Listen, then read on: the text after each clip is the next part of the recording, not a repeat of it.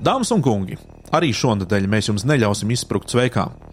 Šaus astoņos ar Eglītu, Petersonu un Lauru Grēviņu ir klāt.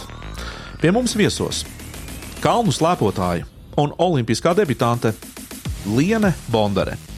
Savukārt mūsu Baltijas korespondentu sanāksmē viesojas diva no Lietuvas Ērika Dženingsa un PR eksperts no Igaunijas Svens Lillepalu. Heironistu stūris, twitterizācija, nu viss kā pienāks šovā astoņos ar Eglīti, Petersonu un Lauru Grēviņu.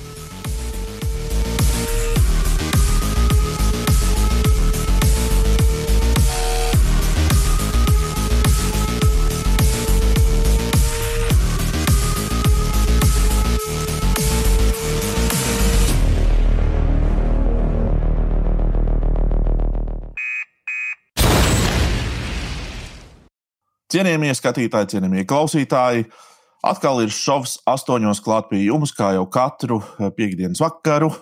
Uh, bet šoreiz nevis ar Petersonu un Eglīdu, bet uh, mums ir pievienojusies arī Laura Grēviņa. Ilgi gaidīts notikums. Čau, Laura! Prieks tev redzēt Čau. šeit. Labvakar!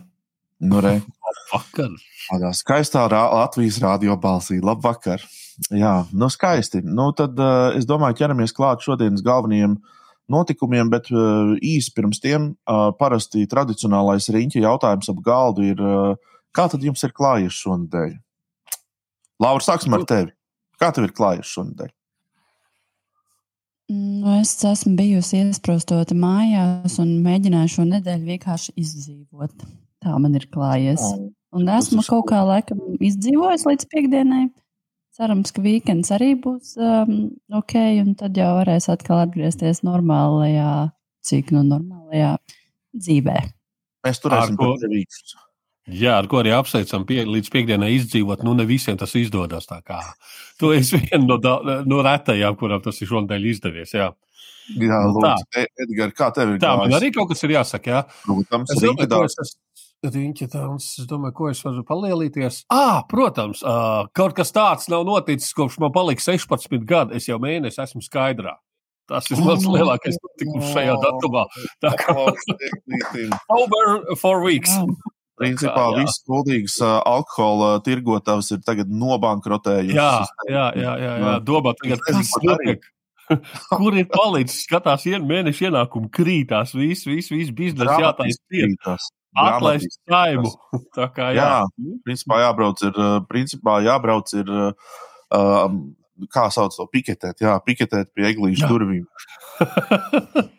Ko tu mums esi nodarījis? Aizej pēc alus, aizej pēc alus. nu, forši. Jā. Nu, skaisti. Man atkal, es, jā, es man liekas, visas nedēļas varētu saukt tagad par mediānas nedēļām, jo uh, Jo īstenībā tas vēlna divu stundu raidījums aizņem tiešām divas, nereāli daudz divas, laika. Divas. Divas, jā, tas ir.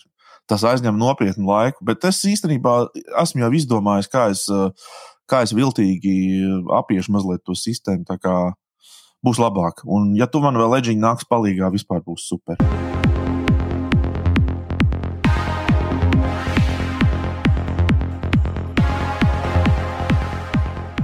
No tādiem visam, man šķiet, um, spilgtākajiem notikumiem šajā nedēļā mēs droši vien varētu izcelt. Jūs varat, protams, man oponēt par to, bet, uh, bet es teiktu, ka tā ir tiesnesis Sanita Sosipovas neievēlēšana augstākajā tiesā, kur um, saimā tātad bija balsojums. Un, uh, uh, tur faktiski vairāk nostrādāja nevis pret balsis, bet atturēšanās balsis. Tātad, uh, tos visus jefiņus, kas balsoja pret, tos mēs visus zinām vārdos un sejās.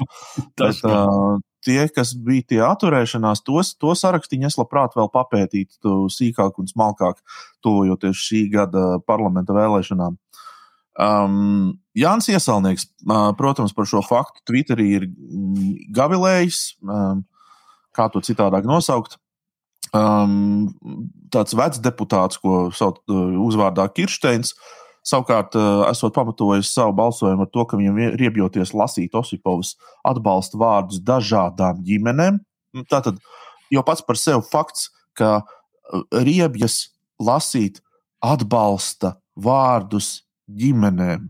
Jau pats fakts, jau vienkārši tā mēģiniet to tā noprocesēt. Es, secinājums ir ļoti vienkāršs. Es joprojām pārliecinos par to, ka kaut kādā ziņā mēs, ne, ne vispārīgi, bet kaut kādā ziņā mēs tomēr dzīvojam valstī, kur ir diemžēl uh, joprojām, joprojām toni nosaka tāda atpakaļ rāpulīgi, tādi iekšēji apspiesti, bērnībā traumēti cilvēki. Un bez maz ar tādu, nu, tā tādu karogu, ja man dzīvē ir sūdīgi, tad es gribu, lai arī tava dzīve ir sūdīga. Tāds jaunais latviešu nacionālais sakāmārds. Ko jums, draugi, ir ko teikt par šo? Nu, man ir ko teikt. Es izvēlējies galēji ekstrēmos tādus, tādus, tādus, tādus piemērus, ko pieminēt Iesaulnieks un Kirsteins. Nu, tas, ir, tas ir galēji ekstrēmi. Tas ir, viņiem ir viņiem geji un krievi nāk uz katru stūri. Un, ja tie geji ir krievu valodā runājošie, tas vispār ir pasaulīgākās šausmas. Uh, par to vēl, starp citu, Twitterī šorīt baigi foršā lietiņa klīda, uh, kur uh, bija kaut kāds tāds džeks, kurš iebāz galvu starp metāla reizēm un kaut ko aizmetināja. Tad viņš to galvu nevarēja dabūt atpakaļ. Un, un, un tas komentārs bija tāds, šis man atgādina Jānis Iesaulnieku. Tā kā mm, mēs esam tieši tajā uh, līmenī ar viņiem. Jā, nu, protams, pēdīgi. La, Laura, kāds tev ir komentārs par, tu droši vien arī sekoji līdzi vismaz šai ziņai. Jā, vismaz šai ziņai es sekoju līdzi pārējiem. Nē. Es nezinu. Nē, pat pareizi tu saki, jo reti, kad tādi politiski lēmumi lieka vispār sajust kaut kādas emocijas dzīvē, tad šis ir viens no tiem, kas nu, tiešām ir skumji. Un um, arī dzirdēju ziņās, es neatceros, kurš to teica, bet kāda, kāda kas acīm redzot, ir atturējies vai balsojis pret komentāru par šo. Un tas, ko, viņš pateica, bija, lai tā Osipova iet uz kādu liberālo universitāti mācīt, kur visādas dīvainas vērtības pieņem. Un es atvainojos, kādas dīvainas vērtības. Es, ne, es nesaprotu, vienkārši cilvēks, kas joprojām izliekās, ka vienīgais pareizais ģimenes modelis ir uh, vīrietis un sieviete precējušies, zinot, ka tā nav Latvijas reālā statistika. Tā ir vienkārši bēgšana no realitātes. Man arī ir sajūta, ka daudzi viņi paši mazliet, kā saka, uh, nu, nu, ir, ir kaut kādā, nu, pa, pa labi, pa kreisi kaut kur, un tad viņi saprot, ka ar viņiem arī īsti nav kaut kas kārtībā, un viņi ir tie, kas cīnās pretī. Un tad dara to tā, lai visiem būtu slikti. Un, ja man ienāca prātā, ne, zin, kā, man ienāca prātā, viņi paši starpā nav šie LGBT cilvēki. Ir, ko, ir, ir, ir, Protams, ir. A, ko viņi dara mājās? Viņi paši sev ar elektrošoku ārstē. Ka, kas nu, notiek? No, nē, tas vienkārši viņi pārdzīvojot, pārdzīvojot to, viņi vienkārši savu, savu pārdzīvojumu izpauž traumējot citus cilvēkus. Tas ir, tā jau ir normāli, nu, tas jau literatūra aprakstīt šādi te, um, lietas. Bet, pa, ko es gribēju teikt par to, ka um, man, ja es kādreiz drusku smīkņāju par to, ka šie cilvēki eh, nu, pūš Kremļa stabulēs un tā tālāk, un tā tālāk, tad a, tagad man īstenībā vairs smiekli īsti nenāk. Man vairs nav tur. tur Man liekas, ka tas īstenībā ir ļoti precīzi saskan ar uh, visām tām retorikām un visu to, ar ko uh, mūsu lielākā kaimiņu valsts faktiski indē mūsu informācijas telpu. Tāda tā man sajūta. Tā mēs jau pagājušo nedēļu runājām, ka mūsu superpolitiķis, uh, supercilvēks, supervīrietis, superpuper, Uber Aldis ir, ir, ir izdomājis, ka partijai mainīs nosaukumu. Tātad katram un katrai tagad tā būs. Un viņš izsludināja logo konkursu. Mēs jau pagājušo nedēļu izsmējāmies no sirds par logo. Uh, tagad jaunais logo ir atvests, dāmas un kungi. Man ir tas gods prezentēt Gobzema uh, jaunās partijas jauno logo. Tadām! Katram ir sirds, kas tā kā raud, tā kā kas. Es esmu pārāk samaitāts. Sadeg neparasti. Čau, Lauri. Es esmu pārāk samaitāts tā, tā savienojuma vietai, kur M ar I beigās savienojās. Tas kaut kā zitā. Bez brillēm teikšu, kā ir. Tas atgādina to, ko tas atgādina. Bet es teicu, tas ir nu, labi, ka mēs ēteros ejam internetā un pēc uh, desmitiem vakarā. Es esmu pārāk samaitāts tam. Bet kas man vienmēr patīk šādā te uh, sirsnīgām uh, darboties un, un, un, un, un, un, un, un kā tālākais ieraugs, nu, kā es teicu, ja kā logo es ieraugu sirsnīgi, es nevaru atturēties to apgriezt otrādi un oh, katram un katrai Jā. spēlē uzreiz pavisam savādāks notīs, savādāks, pavisam cits skats uz dzīvi paliek, vai ne? Tā kā, jā, nu kaut ko tādu izdomāt partijas logo tur ir jāmāk. Starp citu, internetā klīst viena bildīte, kur uh, ir pat zinām vārdi, kas uh, ir, ir, ir šo te izdomājuši. Nu kā, nu, tas, protams, ir joks, jo uh, pašos pamatos ir tā, tāda pati kaut kāda, zina, tā tie, tie koku sūdiņi, tie izgrabtie, tur, un tad tur vārdus tās sirsnīgas ir uzrakstīti kaut kāds tur Ivars, Jūras, Mudīte un viss šitais te tā kā uh, pat tādi. Tā kā jā, katram un katrai ir jauns logo. Uh, es nezinu, kurš ir tas laimīgais, kurš tika pie Alda solītājiem 15,000. Nu, par šādu. Šis, šis logotips 15,000. Tu būtu labi nopelnījis, Edžiņ. Nebūtu tā, ka roka neceļās. Es zinu, jā, bet senos laikos, kad es sāku ar kaut ko tādu nodarboties, pat tad man labāk sanāca. Kā, bet, labi, nu, tad tu saki, tu tev labāk sanāca, bet nu, tu varētu dabūt 15,000. Nu. Bet gobsam partijai, tu pēc tam staigā tādu tetovējumu uz pieci katram un katrai logo autors. Nē, liktu, es negribu. Viņš tev liktu ziedot atpakaļ kaut ko tomēr. Visticamāk. Visticamāk dibinot partiju, mēs pieļāvām kļūdu. Tā atzinās šonadēļ Vjačeslavs Dombrovskis, kurš uh, it kā esot savācis ļoti krietnu bariņu ar, uh, ar, ar partijas dalībniekiem uh, un esot aizgājis no partijas. Es pat neesmu pierakstījis, kā to partiju sauc. Eglīts man droši vien varēs papildināt. partija sauc Republika. Republika. Manā rīcībā informācija, ka partijas Republika dibinātājs, saimas deputāts, līdzpriekšsēdētājs tai partijai Vjačeslavs Dombrovskis kopā ar 200 domu biedriem nolēmuši aiziet no partijas. 200! Pagaidiet, 200 vispār tur bija. Cik, cik Latvijā vajag cilvēks, lai partiju nodibinātu? Trīs latviešus vajag, vai kā tur bija? Man liekas, nemaz, nemaz, man liekas, nemaz Latvijā nav 200. Jā, nu, 200. Tādā partijā 200. Nē, nu tas ir ļoti, ļoti, jā Ļoti nu, interesanti. Nu, zini, man liekas, kā vienmēr viņi visi pārspīlē, un tur, tur 200 vietā ir iespējams pat, iespējams pat divi dalībnieki. Jā, tā kā nu, pie vis tā. Un zini, kāpēc? Tāpēc, ka es citēju, viņš neredz iespēju strādāt otra līdzpriekšsēdētāja Sanda Girģeņa vadībā, jo viņa izpratne par vērtībām nav pieņemama. Redzēji, ko? Man arī nav pieņemama Girģeņa izpratne par vērtībām, jo saprot, tu paņēmi sūdu iPhone, tu varēji paņemt kaut ko jēdzīgu, kaut kādu zemes gabalu brīvos, tā vēl kaut ko vai ne kaut kādu ēku privatizēt, es nezinu, kongresam kaut, kā, kaut kādu saskēmot kaut ko. Nē, atbilstoši savam līmenim, tu paņēmi iPhone. Tāpēc noteikti Dombrovskis arī domā, ka man vecīt, tu atžmal. Sakti neproti galīgi. Tu taču tu, tu, tu, tu atžmal iPhone, ja tikai paņēmi. Tu, tu paņēmi tikai iPhone izspiedi, ja tas viss, nu, man ar tevi nav pa ceļam. Es domāju, tu tiešām esi cilvēks ar labu redzējumu, ar plašu skatījumu un, un augstām vērtībām. Stratēģija. Bet... Sūda iPhone vai ne? Tā jā. kā, jā, no, no tās Annas Rokins pamācīties. Oh, jā, pareizi. Iet, iet ar augstu paceltu galvu un visur teikt, un visur solīt miljardus visiem pensionāriem. Traudāt. Jā.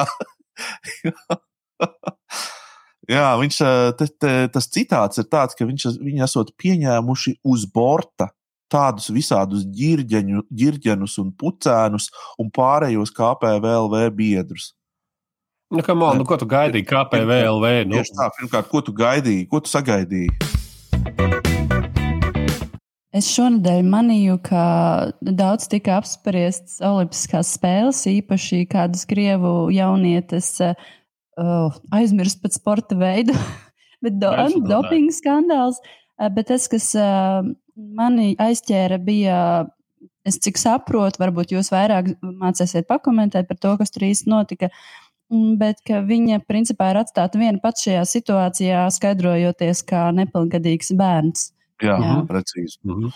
precīzi. Tas ir laikam tas vis, vistrakākais moments. Bet tur bija vēl viena vien interesanta, interesanta lieta, kas klejo Twitterī, kur viņa raudājusi, ir nabadzīta un no aiz tādiem aizkariem tur un, un teikusi, man visiem ir zelta medaļas, bet man nav zelta medaļa. Kā es to ienīstu? Kā es to ienīstu? es ienīstu to sporta veidu, un visu jā. Veiet, jā. Pirmais, kāds pārdzīvojums ir, tu esi sportists, tu nokļuvis Olimpiskajās spēlēs, kur, nu, tu. Jā, tev nav zelta medaļa. Kas notiek? Tev nav zelta medaļa. Ziniet, kā, bet viņai kaut kādā 14 gadu viņa līdz tam ir bijusi tikai un vienīgi kaut kādās iespējams Spartakijādēs, kur visiem tā kā nu, bērni nometnēs par, par dalību Jā, šajā Spartakijādē tev iedod medaļu. Nu, varbūt viņi domā kaut kur tā, labi, es tagad ironizēju spēcīgi, bet tas, kā Krievu mašinērija pamet tur mazgadīgs kuķēns zem šitā visu vilcienu apakšā, nu kaut kā, kaut kā atkal, ko mēs gaidījām, tā ir Krievija. Bet, bet zinot arī to, kā piemēram Krievijā, nu, ka, ko, ko nozīmē zinot. Es noskatījos tikai filmu Ikarus. Jā, tas ir viss, ko es zinu. Tas zinot. Zinot, Bet, jā, jā. Mēram, nu, nojaušot, kā Krievijā tā sistēma strādā tieši ar, ar dopingu. Es nemaz nebrīnītos, ka tur ir kaut kādas lietas darītas bez tās meitenes vecāku piekrišanas un arī bez, protams, pašas meitenes zināšanām. Vienkārši pasakot, tie tev tādi vitamīni, kas tev jādzer, mm. kas tev jālieto, un meitenes tikai galvā jā, jā, un skatās uz, kā saka, tikai uh, trofeju un neko citu nezinu. Un tagad, protams, sanāk publisks starptautisks skandāls, kurā, kā Laura pareizi teica, viss uh, Krievijas delegācija ir aizgriezusi galvas uz citu pusi un iz, iz, izliekās to visu neredzām. Es domāju, ka Krievija ir viens liels kauna traips vienkārši, ja tā mēs skatāmies tagad vispār nu, kopumā nu, tajā ziņu telpā. Ja, tā kā es domāju, nav brīnām, brīnums uz šo piepildīt vēl klāt. Tā kā, nu jā. um, vēl viens tas, ko es redzēju Twitterī, arī pie tā video, kur viņa raudāja, ka kāds bija nokomentējis nabaga bērns, nu, kad ir žēl viņu, uh, bet pretī bija atbilde no ja nemaldos, viena no futbola kluba meta um, valdes locekļiem vai kaut kā tā. Jā, viņš ir vadītājs. Ne? Ka nav Cits? nekāds nabaga bērns, nabadzība ir Āfrikā un attaisnoja to nežēlību profesionālajā sportā. Tad es domāju, vai pienāks kāds brīdis, kad profesionālais sports arī kļūs saudzīgāks pret cilvēkiem, pret tiem, kas piedalās tajā, jo tā vide ir nežēlīga. Jā, es domāju, Nu, Noģiņ, ko tu domā? Nē, nē, nē, es domāju, visticamāk, ka nē. Es tikai domāju, tur vajag kaut kā to profesionālajā sportā, varbūt to vecumu, vismaz tos 16 gadus sagaidīt kaut kādu pilngadību vai kā. Tad tu apzināti, tu zini, ko, kādā ellē tu ej iekšā. Tā tur tiešām tur kaut kādas kuķītes, tur iedod vitamīnus, un pēc tam, kā Krievijā, nav cilvēks, nav problēma. Mēs, mums, tā nav mūsējā. Mēs kaut kādu mēs uz borta paņēmām netīšām pa ceļiem, jā, nostupēt. Nu, es kā profesionāls sportists, protams, jā, kā Pelmeņa olimpiādas. Uh, uh, Ilgadējs dalībnieks, pat, veterāns. Pat negodalgots, pat negodalgots dalībnieks. Uh, diemžēl es nevaru to komentēt, jo nezinu, kāds, kāds profesionālais sports īsti izskatās no iekšpuses. Arī tikai filmas ir redzētas. Nu, protams, jā. Bet, bet nu, kā, tad, kad tu skaties skaistus, skaistus Netflix seriālus par Ronaldo skaisto dzīvi, uh, Uh, un tā tālāk, nu, tur tā ļoti daudz jau netiek rādīts. Droši vien kādai gaisa mašīnai viņš iet cauri. Tu jau redzi tikai to glamūrīgo, kas ir pēc tam. Un tas droši vien daudzus jauniešus arī pavelk uz to. Un pēdējais, manas pēdējā, pēdējais, kā, pēdējā kāpēcīga visā šajā sarunā par daļslidošanu, profesionālo sportu skatieties Aimtonija ar Margot Robiju filmu. Tas ir par daļslidošanu profesionālo sportu. To vajag redzēt.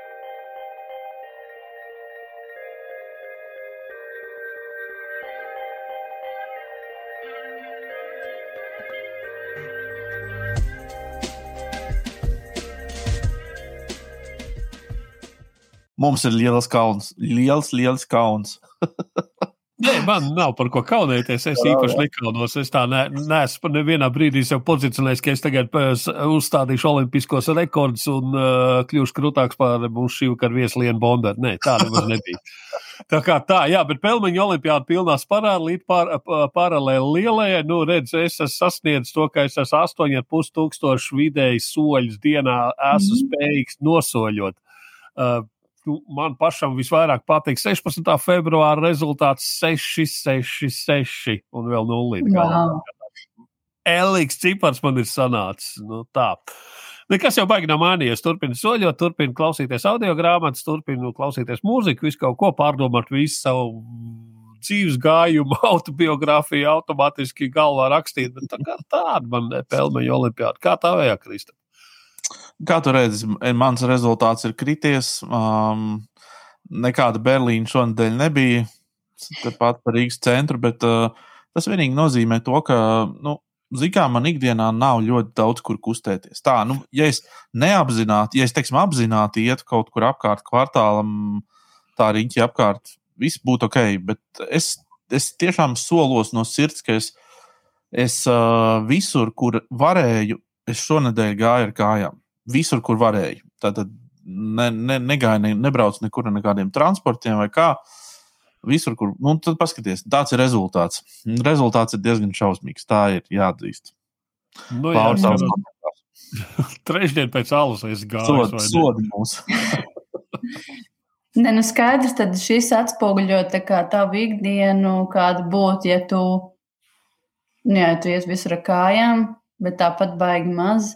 Eglītim es redzu, ka tā piekdiena ir montēšanas diena, mhm. kas ir sēdošā. Un pārējās dienas ir ļoti labi. Bet, nu, Krispam vajadzētu tos 7000 dienā tad vēl sadzīt. Mm.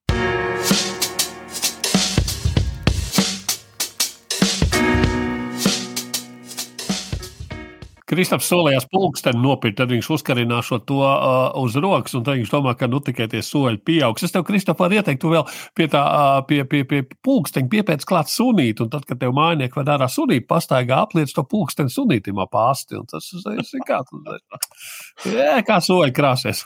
tā. Es īstenībā par to pulksteni aizdomājies, tāpēc, ka tiem cilvēkiem, kam ir pulkstenis, uh, viņiem tiešām pa kaut, kādiem, pa kaut kādu ceturdaļu vairāk soļu ir Jo skaidrs, ka es telefonu visur līdzi nenēsāju. Tas nozīmē, nu, ka es zaudēju kaut ko statistikā. Nu, jā, visticamāk. Nav, ko, nav ko žēloties. Labi, kā ir tā, ir pelmeņi turpinās pelmeņoties, un, un, un uh, pelmeņu olimpiskā uguns turpina augstu, un tālu un gaišu degt.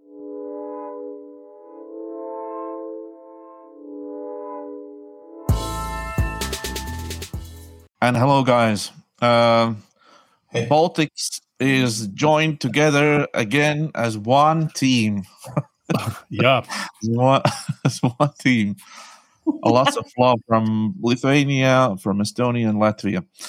So uh, let's start with our uh, long long term topic. I would call it like that. Uh, it's Eurovision because of course Baltics is united by Eurovision. Of course, united by Eurovision. Yeah. so, uh, Erica. Yeah. So, what? What do so I how think? Do you feel? How do you feel? Let's start with. feel about it? Well, feel? Um, I was. Uh, I feel fine now, but I was quite disappointed that my song didn't go to the finals because I thought it should. Obviously, I'm biased, but um, it didn't. So it is what it is.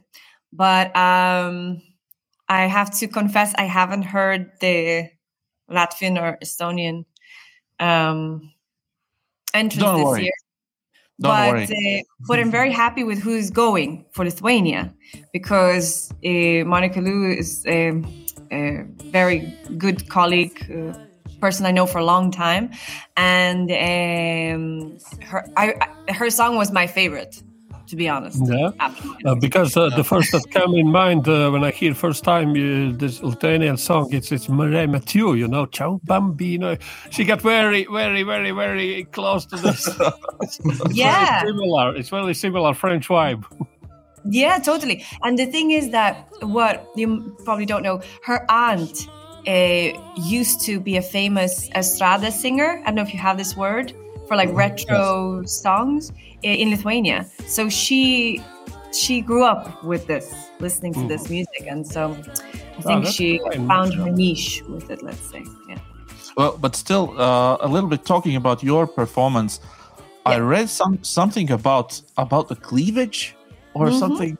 What what was wrong with that? So what, why why there was a it's really interesting. Yeah, exactly. Well, you know, it it was it was something I was really surprised with because um, the guy from the Roop Vaidotas he made some comments. Like the first uh, performance he was like oh it's amazing it's great it's this and that. And then the next performance which was the same performance and the same outfit. And he said, you know, oh, it's very distracting. Like the cleavage is very distracting. Sometimes I'm, I cannot even hear the song. I'm like, and that's supposed to be my problem, not his. So, um, you know, so, and then when I met him, we spoke about it and I was, uh, I was quite surprised because he's supposed to be a very progressive, liberal guy.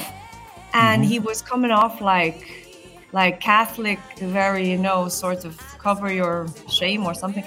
And and besides that, it's also kind of it's kind of out of line. It's not kind of out of line. It is out of line, and it's um and it's you know sixty years too late. And there was a lot to it, but I was just surprised that it came from him because then you look at an entrant like Lolita Zero, who I also know very well, Gitas, who is extremely talented, by the way, actor and director and everything. And I mean, no comments about his outfit. And you know, it's It's fair just you.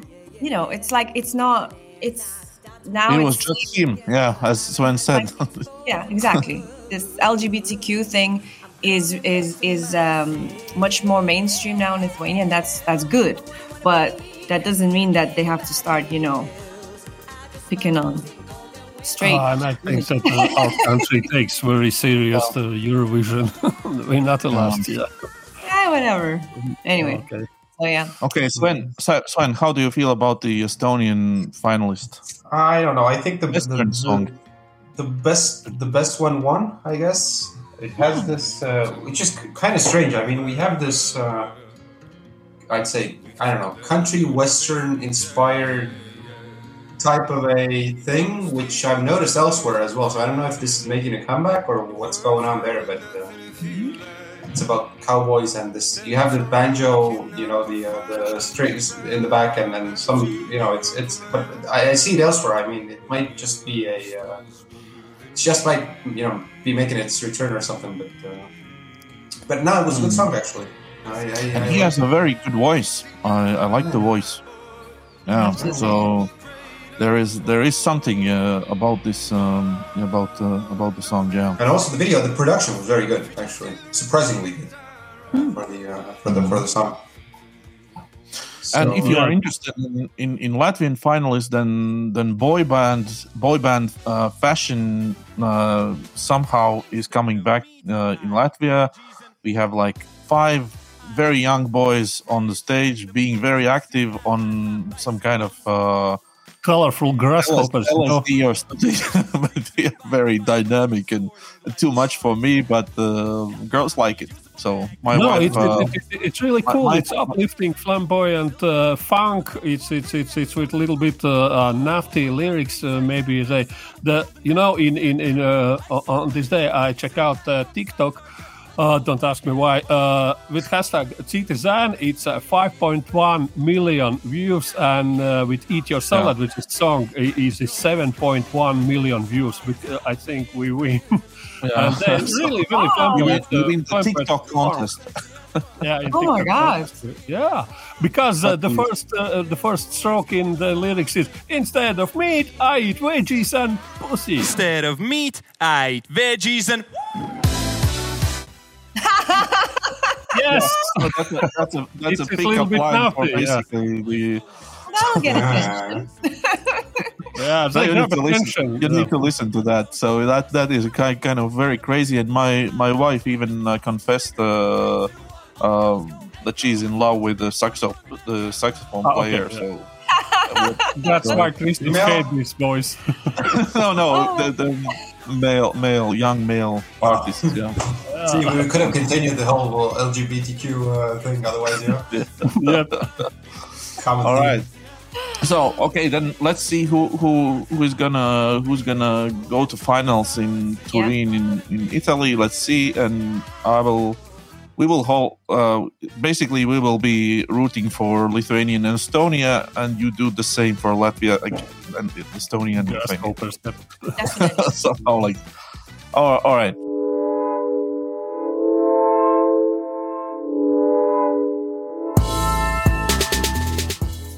So uh, Let's now back to reality. Yeah. more yeah back to reality and more serious uh, serious news about uh, Russia and um, Ukraine. So first of all, your your own feelings. How do you feel right now about the your own security, about the about the safety around um, your area, and so on? So, Erika, how do you feel? Um, I, I'm well. Yeah, I guess I feel nervous, to be honest.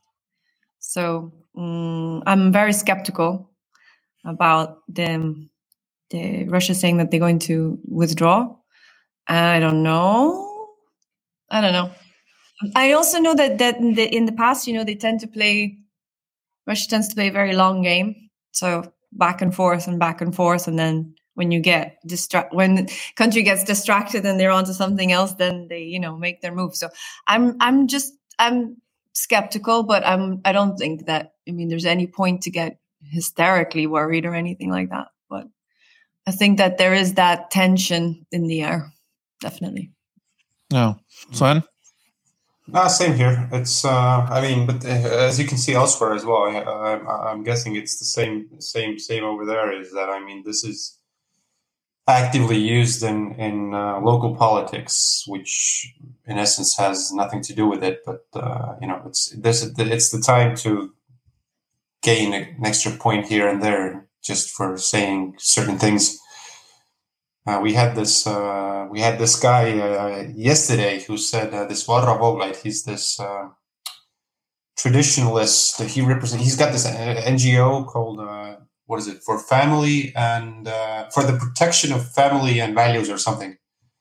And he came out yesterday saying that as long as it's safe here, then does it really matter what the flag is flying up in on Toompea? So basically, what? he's saying that uh, today he's getting tremendous heat for that today.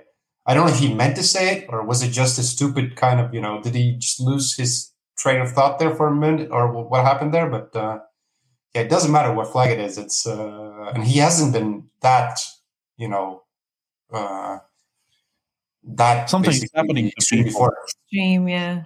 Yeah, mm. but it was kind of crazy, you know. That's well, yeah, but it's, um, it's but then it, it, it's this is basically the time for the opposition to again uh, get their two sentences in. Uh, yeah. Mm, damn, that's but, that's amazing that he said that. But in, in, general, I don't think it really bothers anyone. We're we're, we're the farthest away anyway from Ukraine, so uh. yeah, you feel more safe. of course, you're more in the north. Yeah. Well, um, yeah, my own feelings, I don't know. Um, I think that uh, I kind of feel very similar what Erica said that uh, we have already seen uh, what Russia is capable of uh, doing. So I think that um, you need to be uh, aware of that and be on basically all the time. You need to be on alert. So. Mm-hmm uh, so that that's that's what I think. And I I think also that uh, Europe and US really start to show that they are losing. They are losing, and they they don't know what to do about this situation. And and that that's actually even the most sad thing about all this. Mm-hmm. That uh, there is no not nothing that can stand against uh, Kremlin, uh, this power. So we need we need our previous president, Grybauskaite. Yeah, tough cookie. And she, uh, yeah, and of course, yeah, and, and and basically, yeah, we have weak politicians at this moment. Uh, yeah, that that is, and in true. all three Baltic countries, I think. Yeah, yeah, yeah. And then, yeah, Okay, uh, this week basically is like three celebrations uh, that I know. First of all, this was the Valentine's Day. Um, then there was uh, Lithuania celebrated the Independence Day. Um, yes, and St. Patrick's Day, right?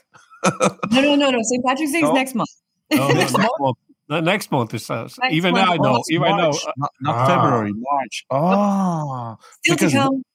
No, but but the thing is that I got mistaken by uh, by because I saw the the poster somewhere ah, in the concert. Yeah. Ah, and I thought that all right, you are you are Celebrating All early. Patrick Day, you are on Patrick Day sales, yeah, something like that. Yeah. Okay, you need to come up with a, th- a third celebration because I thought uh, I, I said that there are three. But anyway, what, what what's new in your your your life maybe and something around you that that you want to tell us about? I don't know, Sven. Start you. You you have a very confident face. I don't know. There's really nothing new. I would say it's uh, business as us. usual. The days are getting longer.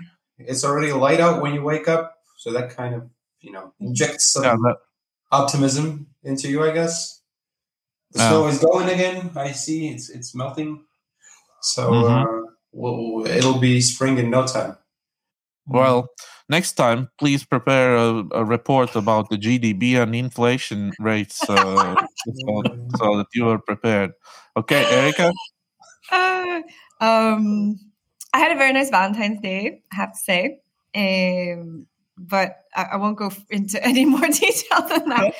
Um, sorry. Uh, but I, I'm, I actually, we have a bit of a kerfuffle here because, you know, we had Independence Day, as you said. And um, our beloved president, um, you know, he's just, it's just getting worse and worse, basically. He's just like, oh my God.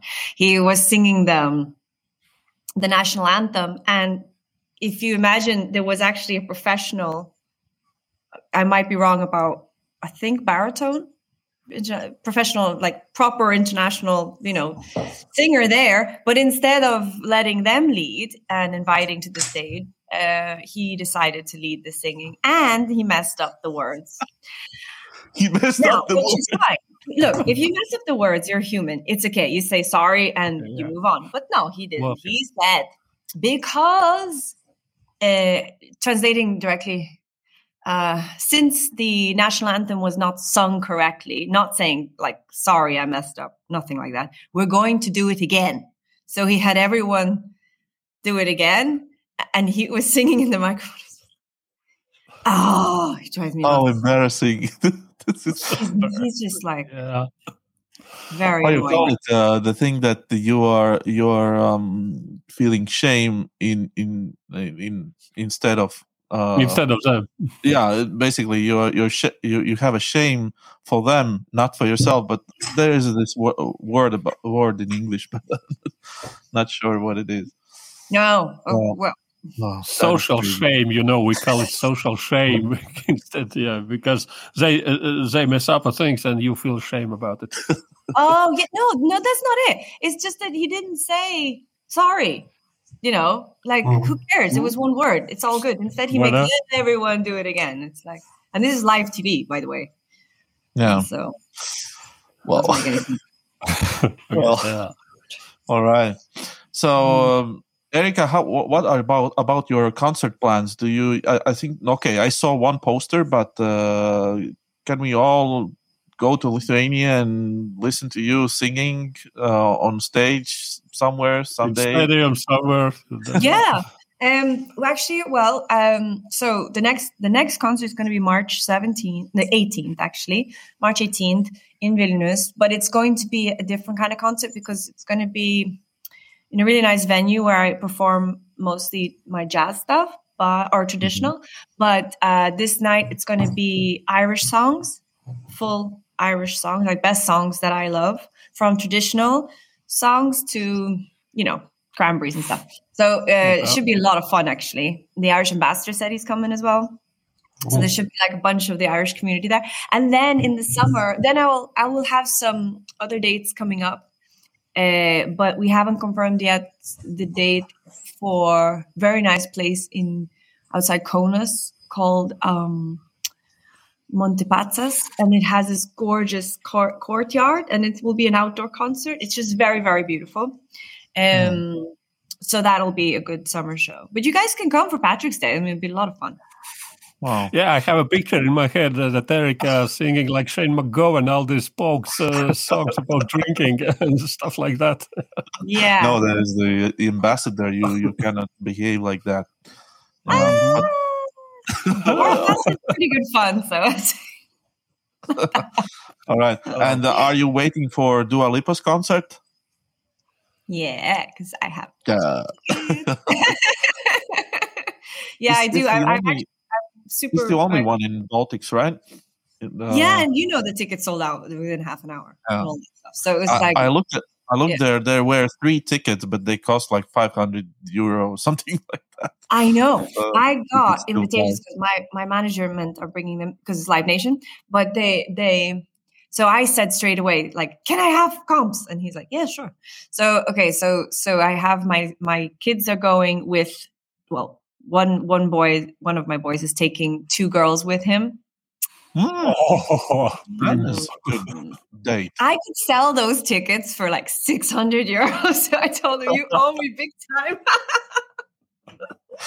you- Make Okay. good business. yeah, Uh, right. Sven, uh, what about the concert life in uh, in Tallinn? What What are your Uh. Are you going? I don't some think there's concert? anything coming up. I'm, I'm not, at least I'm not sure. Hmm. Estonia has always been very famous with uh, uh, uh, this uh, Lau- Lauluväljak, the, the the the huge the um, basically the open air stage uh, where where Michael Jackson, Robbie Williams, and all Elton John and all that uh, these uh, great performers have have uh, have been and visiting and Madonna as well, as I understand. Yeah, Yes. yeah, yeah. Stones and uh, all that have been there. Ah, I was mistaken. Of course, Thomas Anders is coming to Tallinn. Oh, Holy shit! well, actually, Christoph even does. Christoph, you know who is Thomas Anders? Sorry, we are we are going to Thomas Anders, not not to not not to. Yeah, sorry about the line. Thomas Anders. Okay, yeah. Uh, well, All right. Thank you guys for, for, for joining this this time. This was fun. I, I like to meet you all o- once in a month, and I, I Uh, yes, I just now finished. I feel I, actually, safe. when you now I feel on Facebook, safe. I just, everything in this I place. just Yeah. hung up the phone. all right. Well, Bye, thank guys. you, guys.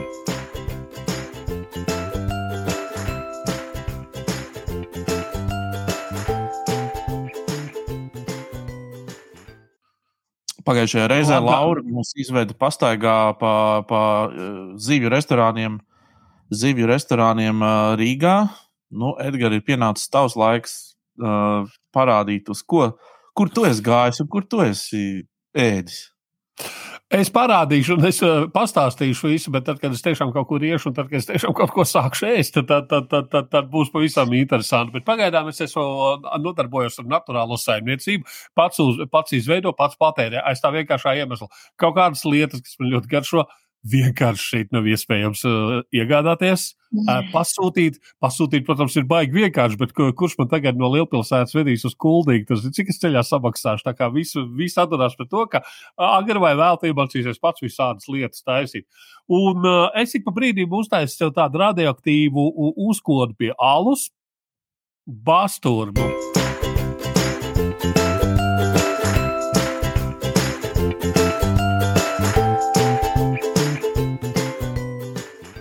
Ja es pareizi saprotu, tā, tā basturma ir kaut kas tāds tā kā ļoti plāns, bet viņš tāpat ir tik ciets kā zole, tāda, tā kā, tāda, tāda ko nevar sakost. Uh, ko nevar sakošļāt, un tad tu visu dienu to kožļā. Nu, kaut kas tam līdzīgs, ja? Un Nu, nē, nu, tas nav tā, kā tā tāda sāļu pazola. Nē, tas ir, tas ir vienkārši lielopu gaļu speciāli kaut kā vītināt un tā tālāk. Atslēgas vārds vītināt, un tas notiek baigi ilgi. Un tas foršākais ir tas, ka principā tev nekas nav jādara. Bet, nu, ja tā teiksim, to, to saliek rindiņā, tad liekas, ka tas ir ārprātīgs, eh, ko tu vari tur mēnesi darīt pie kaut kādas uzkodas. Pats sakot, vispirms mēs nopērkam gaļu, un tad mēs viņu uz trijām diennaktīm ie- aprokam sāli. Bur brutāli aprokam sālī un iebriežam leduskapī. No rītiem notecinām ūdeni, un zini, kā tas izskatās, tad, kad no rītiem tu to trauki izņem ārā. Tas izstāsta pēc, tā, pēc Rīgas ielām, kad ir sasniedzis un kad mēģināts kaut kāds sāls, kaut kas ir kaisīts virsū. o Tas, tas, tas, viss strūns, kas tur ir, tas ir reāli tai bļodā un izstāsta, ka tu būtu no izgājis ārā, pagrābs bļodiņā un to visu tagad ielicis leduskapī. Pēc tam Un, teiksim, pēc kaut kādām trīs dienām viņiem ārā, un, un, un eh, cik dienas viņi bija tajā sālī, tur gulēja tā gaļa, lielopa, tur tik ilgi tu viņu arī pēc tam, tik stundas tu skalo viņu projām, visu to skalo. Pēc tam Tad, kad es beidzu skalot kaut kādas stundas, nu, manā gadījumā kaut kādas trīs, četras, nu, nevis laikam teko šaudni, bet lai viņi tur atmirks, tad tu viņu lietas nospiest. Eh, es lieku virsū kaut kādas smagums, nu, tos tās, tās kurināmās briketes virsū, vienkārši ietinu viņu vielītī to gaļu un uh, dēlīt virsū, un vēl tos arī uz kaut kādām es atstāju visu nakti, lai izspiežos tas viss mitrums ārā. Presē, presē viņa, ja, kaut kā. Jā, jā, jā, jā, bet tur tikai jautrība sākās. Pēc tam tu viņu lietas uz krāsnes un vienkārši, nu, nu kaut kādā siltā vietā vienalga, man ir krāsnes, tā iespēja uzlikt uz krāsnes, un, un, un tad es vienkārši to visu aizmirstu uz kaut kādām dienām, trijām līdz piecām. Tad, kad atceries, tad tu novāc un, un, un, un paskaties, jā, un, protams, ka no tās gaļas klūčs tur ir palicis tāds pipstiķis, tāds, tāds šūdiņš, tur vairs nekā nav. Uh, tā kā, nu, jo tu lielāk liks iekšā, tev jārēķinās, ka kaut kāda pūsa tošas sarausies. Pēc tam, pēc tam tu ņem sierā bolu. Tā joprojām ir jēla gaļa. Mēs runājam joprojām par jēlu gaļu pēc būtības. Jā, tā, nu, tu viņu termiski neapstrādā, tu viņu vītini. Tieši tu, tu, tu, jau vītini bet tu neapstrādā termiski. Tā, viņi ir, tā vairs tā, nav gaļa. Cieta, kad viņi ir samaz, samazinājusies, jā, viņi jau ir, jau ir cieti, jā, ir nē. Nu, diezgan, jā, nu, viņi ir diezgan cieti, jo, nu, kāds skaties, nu, viņi, nu, viņi jau muminificējās. Tas viņi jau mūmi, principā tā ir mūmija kaut kāda jau. jau tu, tur. Un, un tad tu, tu paņem sierāboliņu, tad tur paņem tur pipars, visādas tur garšvielas un, un, un samais tādu, tādu, tādu, tādu, zin, tā kā ar siltu ūdeni, tādu tā kā mm, piparkūku mīklu izskatās. Tad tu to lietas maisiņā iekšā un atkal tur to gaļu aizsien maisiņu ciet, un atkal leduskapī uz kaut kādu nedēļu, lai viņi tur vienkārši velkās iekšā. Nu, tas, tas, tas viss, tur, tas sierā bolīgs, tas pipārs, tās, tās, tās garšvielas un viss. Uz tad, laika kad... līnijas, kur jau mēs esam, tad tu teici uz nedēļu, tad, tad jau divas nedēļas ir pagājušas. Ja? Apmēram kaut kur otrajā nedēļā uz galda mēs esam. Tad eh, kaut kā, nu, teiksim, ja es pareizi tagad atceros, nu, nu, nu, neko neizlaižu, eh, tad, tad, tad beigās to ņem ārā. Un, un, un tagad tu krati nos, un, un tur, zini, sākās kaut kāda gāgāna kara. Viens saka, ka to visu vajag nokasīt nost, to, to, to, no to, kas tur viņai pielips klāt, ir tā, tā visa tā, tā, tāda piparkūka mīkla. Un cits saka, ka nevajag. Es, protams, esmu slings radījums, es to nu, nekratu nost, nekas nost. Es tāds, tāds pļots, kas tāds salieku. Nu, viņas izskatās neko baigi smuki, tas neizskatās. Tu es uzlieku uz tādu restīti, atkal kaut kādā traukā, kur tas viss var nobirt. Un atkal nafig uz krāsnes uz, uz, uz nedēļu, uz pusotru, lai viņi tur kalstu un, un, un, un tikai pēc tam, viņi, pēc apmēram kaut kādu mēnešu, tur, kad viss kopā ir bijis ar visu to sālīšanu, tad ir tas, tad ir tas brīdis, kad saka, paņem to cieto, un tā smuktā asnās nogriezt tādu plānu šķēlīt. Un, Un, zini, kas ir superīgi? Viņa nav cieta. Viņa nav tā, ka tu varētu domāt, ka tu visu mēnesi, tu tagad tur tu, tu, visu dienu tagad tādu koku mēnesi. nē, nē, viņi ir. Ja tu plānā, nu, nē, nē, ja tu sagriez tur pirkstu griezumā, protams, tur nekas nesnāk, bet ja tu viņu tādu smuku plānu nogriez, tas ir tāds, tāda perfekta tāda lieta. Un es neesmu vienīgais, kas Latvijā to dara. Es uh, iespiedu, es, es kaut kur kaut kur, kaut kur, kaut kur Twitterī uzgāju, visādās man ir dombiedri un vis, visādās lietās, un visu šo te. Tā kā cilvēkiem tīri labi patīk tādas lietas, un, un, un es iesaku, var pamēģināt. Kā, tās ir manas kulinārās izklaides šajā te. Un īstenībā tas kaut kā, es kāpēc tas ir ziemā, jo vasarā, nu kāds vasarā, vasarā, kas to dara? No nu, tā ziemā tu tur visu kaut ko var darīt. Kaut kas nekas baigi jau nav jādara. Tas man patīk. Wow. wow, man ir tikai viens. Wow, es abrīnoju tiešām tavu spēju tik ilgi ņemties ap vienu lietu. A, kā tu izlēmi, ka tas ir tas, ko tu, ar ko tu tagad eksperimentēsi? Ah, es nezinu, es vienkārši gribās kaut ko. Tev ir tā sajūta, ka tu gribās kaut ko garšīgu, bet tu nemāki noformulēt, ko. Tad, apmēram, es iedomājos, un tad, nu, tad tev ir tā sajūta. Gribas kaut ko garšīgu, bet nu, garšīgs ir viss, sākot no, no šīs bastunas, bet tā ciela viņa, bet tu nezini, ko tu gribi. Nu, kaut kā no viena gala. Viņš to ir darījis kopš sešu gadu vecuma. Katru ziemu. kad, jā, jā, jā, kad kam... nu, nē, taču viņš molda. Es taču neesmu dzīvojis tuksnesī un ar kamieļiem pārvietojies, kur tas vienīgā iespēja, kā var kaut kādu pāiku paņemt līdzi kaut kur tuksnesī vai vēl kaut kur. Jā, tur. Tā kā nē, nē, nē. Uh, Es nezinu, vienkārši interesanti. Tāpēc, ka sūdzies, ka tu ienāc reizēm uh, veikalā, tu staigā pa to veikalu pa plauktiem un domā, es gribu kaut ko garšīgu. Nevar, nav, nav nekā. un es iedomājos, ka tas varētu būt tas, vai kaut kur es redzēju, vai kaut kur mm. ilgi. Domāju, o, jā, tas varētu būt tas, tas, tas būs tas, ko es gribu. Protams, ja tev nesanāk, nesanāk. Nu, bet nevarētu teikt, ka nav sanācis. Pirmajā reizē es baigi to sierā boliņu tur uh, pārforsēju, tad, tad, tad, tad, tad, tad tur ne tā. Bet to var jā. ielikt pusi mazāk, un tad tur visādas kūpinātās paprikas un visādas, nu, atsakot, tur ir Pandoras lādu vaļā. Tu tur var daudzīties. Laura, kas ir tāds ilg, ilglaicīgākais ēdiens, ko, ko tu esi gatavojusi? Nu, kas prasa, piemēram, dienas vai kaut ko vairāk? Mm, tas ēdiens man nav sanācis, ko es mēģināju. es mēģināju cept itāļu Ziemassvētku kūku panetoni, kur bija vienkārši nevarēja īsti aiziet gulēt, jo visu laiku bija tā mīkla jāmīca. Bet es ātri vien sapratu, ka nu, ērtāk ir nopirkt nekā taisīt. Kā... ir kaut kādas tās uz lieldienām, ko tā es trīs dienas, tās paskas vai kaut ko tādu. Es esmu to darījis. Jātecina un kaut kas, bet beigās sanāk kaut kas pašīgi. Ļoti labi sanāk. Jā. Es, es saku, es esmu to darījis, to es citreiz pastāstīšu. Tas ir tāds milzīgs sieriņš kārums. Nu, lieldienas jau drīz ir. Tā kā. Jā, jā, tā kā jāpadomā par to. Tu mūs varētu jā, uzcienāt, Neglīt. Tu mūs varētu uzcienāt. Ja jā, Omnivā es aizsūtīšu, tur tā nebrīdieties, kas tur galā sanāks.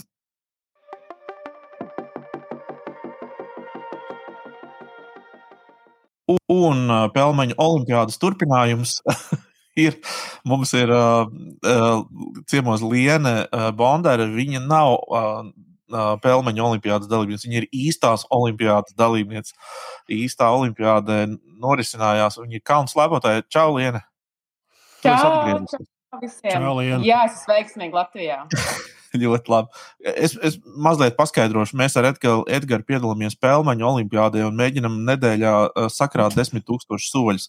Tas ir tas mūsu. Ne, nevis uzdevums. nedēļā, bet vidēji nedēļā. Vidēji, nedēļā. Jā, vidēji. Neblamē galīgi mūsu ārā. bet tas nu, īstais izaicinājums nebija desmit tūkstoši soļu dienā. Nu, nu, jā, jā nu, vidēji. Nu, ne, nu, nedēļā vidēji 10,000 soļi. Tas nozīmē, okay. ka katru dienu tev vidēji tā kā būtu jānostaigā tie 10. Bet super! Super. Nu, redzi? Bet nu, mēs jau ne, ne, mēs vēl neesam tik tālu tikuši. Tā tas nav. Mēs tiecamies uz to. nu, labi. labi. Parunāsim par tevi labāk. Um, Jā. pirmkārt, apsveicu tevi ar debiju. Tas, ir, tas man liekas, ir kaut kas fenomenāls, vai ne? Jā, tas ir tas, man liekas, jau tas, kad es tur tiku, ir jau tāds pirmais sasniegums, kas ir Jā, super, paldies jums. Jā, nu, pastāst par tām sajūtām, kā tas ir. Jo, nu, pirmkārt, droši vien jau, ka tu biji sapņojis kaut kad kādreiz Olimpijādē nokļūt. Nebija jau tāpēc, ka tu trenējies profesionāli kalnu slēpošanā, kas droši vien vienkārši nav kērlings vai kā. Nu, tas ir tāds kārtīgs. Mm -hmm. kaut gan viscieņa kērlingam. Uh, bet, nu, pastāst, kā, kā, kā, kā tev tas sapnis realizējās? Protams, man liekas, jebkuram sportistam ir tas lielais sapnis, tā olimpiāda, un, uh, un, un uz turieni aizbraukt un, un cīnīties uz tās lielākās arēnas un skatuves, kas vispār sportā ir. Bet uh, es teikšu, ka tas mērķis jau tika uzstādīts diezgan agri, diezgan agrā vecumā, kaut kādos, man liekas, jau pat 11, uh, mazos 11 gados, jau 13, 12 gados. Man tēvs vienmēr teica, ka es zinu, ka tu tur nokļūsi, un teica, zinu ka tava māsa tur nokļūsi. Un, Un uh, īstenībā nenormāli forši, ka mums tiešām arī abām divām izdevās uh, reizē, un vienā olimpiādā tas vispār, man liekas, ir superīgi. Tas wow. ir, es nekad sapņos nedomāju, ka tā varēs notikt. Uh, bet nu, tas ceļš, nu, nu smags darbs, un, un, un uh, atdots ir viss tam. Ģimene ir devusi visu tam, lai tur nokļūtu, un, uh, un kaut kā palēnām, palēnām, un pienāca arī mans laiks. Un, tā, un es arī aizbraucu pirms divām nedēļām. Jā. Nu, Pastāst par tām sajūtām, kā tas ir nu, kā aizbraukt uz tādu vietu, kur ir tikai un vienīgi sportisti, katrs ir koncentrējies, katram ir lielais mērķis mm -hmm. un tā tālāk. Mm -hmm. un tā tālāk. Kāda ir tā sajūta būt starp tādu vibrāciju, enerģijas bumbu? Mm -hmm. uh, tad, kad mēs ieradāmies ciematiņā, īstenībā tās pirmās dienas man bija, nu, es gaidīju, nu, kad būs tas, tas kad, wow, nu, es esmu šeit. Un, un, jo no sākuma bija tas sajūta kā pasaules čempionātā, jo mums tie olimpiādē mēs bijām sadalīti pa trīs ciematiņiem. Attiecīgi, zem lejējais ciematiņš, kā mēs teicām, bija Pekinā, kur bija visi, kas bija hokeisti vai šortrekisti, respektīvi visi, kas ir ledus tajā arēnā. Tad bija otrs ciematiņš, kur es biju. Tā bija Janciņas ciematiņš, kur bija kalnu slēpotāji un renes braucēji. Un tad pēdējā ciematiņā bija distanču slēpotāji un frīsā slēpotāji. Un tā pirmā sajūta bija tāda, ka, nu, ka es nevarēju dabūt to, to olimpiādas garšu, jo man visur apkārt bija tie kalnu slēpotāji, kurus es esmu satikusi gan pasaules čempionātos, gan citās sacensībās. Un, un bija grūti noķert to, ka, nu, hei, šī ir tā, tā liela olimpiāda. Bet tad, kad mēs uh, aizbraucām uz atklāšanu, un tas brīdis, kad tu ej iekšā tajā arēnā un nosauc to vārdu Latviju, un es vēl man sanācu stāvēt pirmajā rindā, un es redzēju to, to kā mums tas karogs plīvo, un ir tie lielie riņķi, un tad, un tad nu, kaut kas nu, riktīgi debēja iekšā viss, un likās, wow, nu, mēs šeit esam, un, un visi ir apkārt, visi tie sportisti, un tu satiec pārējais. Tas bija tas mirklis, kad, jā, kad es sapratu, mēs esam tie lielie notikumi tajā olimpiādē. Tā ir iespēja. Es redzēju, atklāšanā. Jā, jā, jā. Jā, jā, nu, es pareizo vietu izvēlējos. Klau, tad, kad tu stāv uz tā starta, nu tieši olimpiādē klausies, kas galvā notiek. Jo, zin kā cilvēkiem parasti svarīgos eh, kaut kādos mirkļos, tu gatavojies, gatavojies uz to mirkli, tu domā, tu visas miljonus reizes izbrauku uz domās un tā. Bet tad, kad tas svarīgais brīdis pienāk, tu domā kaut kādu sviestu galvā, es nezinu, nesamaksā to gāzes rēķinu vai kaut ko tādu. Kas notiek tajā brīdī, kad tu stāv uz tā starta un tu saproti, būs, tūlīt būs, tu, tu, tu, tūlīt. Tu, kā tas ir? Ļoti viegli ir iekrist tajā bedrē, ka tu domā, ka oh, šis ir tas lielais starts un tagad viss ir jāizdara pareizi. Jo viss vienmēr grib izdarīt pareizi. Bet es teikšu, godīgi, ka es biju kaut kā ļoti labi noskaņojusies. Man nebija īstenībā tāds stress. Es biju īstenībā, es pat teiktu, diezgan mierīga un pārliecināta par sevi. Jo es jau biju galvā vienkārši izgājis to situāciju cauri, kā būs, kad būs tā starta. Un es zināju to, ka, ja es tagad sadomāšos, ka nu, viss, nu, tagad man ir jāparāda labākais, un, un es nedrīkstu sakļūdīties. Un, ja es domāšu par to, ko es nedrīkstu izdarīt, vai cik ļoti tas ir liels notikums, tad es pats uzlikšu pārāk lielu to spiedienu. Tāpēc es kaut kā biju, es pati šausmīgi par to lepns, ka es biju ļoti uh, mierīga uz starta un gatava, vienkārši gatava darīt savu labāko darbu. Jā. Bet es, bet, es, bet es piekrītu tam, ko tu saki, ka, ka var būt tā, ka ienāk kritīgi tādas nelabās domas galvā un, un, un, un, un kad sēž viss grīstē. Man, man tā nav, paldies Dievam. tas, tad, tas nozīmē, ka tev ir kaut kāds profesionālitātes līmenis at, at, attiecīgs. Uh, bet, um, nu jā, bet, piemēram, kāda bija tā tava stratēģija? Tu pirmo braucienu biji domājis, tu brauksi nu, tā mierīgi, kā saka, bez kaut kā, vai, vai kāda pastāstīt to savu stratēģiju, to piegājienu? Mm -hmm.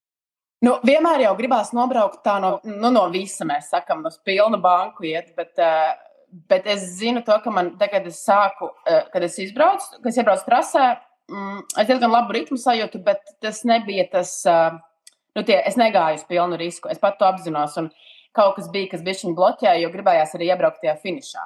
Bet noteikti man nebija stratēģija, ka nu, tagad, kad, tagad, tagad es braukšu lēnām tikai līdz galam. Nu, tā noteikti nē. Es zināju, Jā. ka ja es sakritīšos, kad es, kad es kaut vai apstāšos un braukšu tālāk, bet diemžēl tā mana kļūda bija tāda, kur būtu diezgan, man arī varētu diskvalificēt par to, ka ja es kāpju apakaļ kalnā un braucu tālāk. Tāpēc šoreiz man nesanāca nu, izpildīt to, ka es arī pēc kļūdas varu turpināt. Bet, uh, Bet nē, man nebija tāda konkrēta stratēģija, tagad šito līdz galam, un tad otro uz pilnu banku. Nē, es gribēju abus divus nobraukt diezgan labi. Es gribēju nobraukt tā, ka kā savus tos labākos braucienus, ko es braucu arī treniņos. Es domāju, es biju diezgan tuvu, bet es nebiju, protams, tie nebija pilns risks. Tas nebija. No es, bet tā bija ļoti daudz sportistu jau saka, o, treniņos braucu, jau tur daudz labāk. Kā, tas ir tas īstā māksla, ka tu vari sacensībās un tik lielās sacensībās, nu tā, riktīgus, bez bez, respektīvi, atlaist to bremzes pedāli un ne, bez tās rokas bremzes braukt, tas ir, tas ir jau tas top, top, top levels. Jā. Saka, lūdzu, vai tu vari noraksturot, kāda tā trase bija nu, no sarežģītības pakāpes? Jo nu, tu brauc arī pasaules čempionātu posmus, vai ne? Un kā kā mm -hmm. tur ir atšķirās? Es īstenībā teikšu, godīgi, ka šī bija viena no vieglākajām trasēm. Gan reliefa ziņā, jo tas starts bija diezgan tāds plakans, plakans, un tad bija tāds 90 grādu pagrieziens, un beigās bija tāds kritums mazs, bet, nu, godīgi, es jums saku, šī bija tiešām viena no vieglākajām prezentiem, tīpaši, jo puiši brauc, nu, vīrieši pa to pašu trasi, un, un vīriešiem dažkārt tajos pasaules kausa posmos ir, nu, tādas jaudīgākas, tā, tās tie kalnu reliefi. Tāpēc priekš vīriešiem, man liekas, vispār tas bija ļoti viegls reliefs. No trases setting, kā mēs sakām, tas nozīmē, kā tiek sasprausti mietiņi. Uh, arī dāmām, es pat teiktu, diezgan, diezgan uh, Viņš, protams, bija augstā līmenī, bet es esmu braucis arī nu, tajos pašos čempionātos. Viņas ir bijušas daudz grūtākas. Es teiktu, ka dāmām bija diezgan salīdzinoši viegli. Bet tāpat laikā ļoti bieži liekas, ka viegla trasa uzreiz ir vieglāk. Dažreiz tas padara visu vēl grūtāk. Jo tas nozīmē, ka tev ir vēl vairāk jādod virsū, jo visas dod virsū. Bet, ja mēs paskatāmies uz puikas trasu, tad puišiem bija, viņiem šitie naktī notika sacensības nu, viņiem gan bija, nu, tur bija puiši bija pacentušies, lai, lai čaļiem ir grūti un lai ir tas šaus, jo tur lidoja kā pupas dažreiz ārā, dažbrīd tie, tie dalībnieki. Klau, nu mazliet parunāsim par kaut ko citu, par aizkulisēm. Kā, kā tad tas slavenajās ciematiņās ar tām plaši aprunātajām ballītēm, olimpiešiem un vispārējo, kā tas notiek? Tikai ballītes interesē. Protams, nu, tu par sportu runājies par ballītēm, viss kārtībā, lobu sadalījums. Jā, ballītes. Uh, vispār šī nebija. Mm, es tik cik es piedzīvoju, man pat nebija spēks painteresēties, vai kaut kur balīts ir, jo bija ļoti tā diena tik, tik sasātināta ar visu, ko, kad uh, es tiešām, es nezinu, ja bija balīts, tad nu, ne. Palaidi garām visu.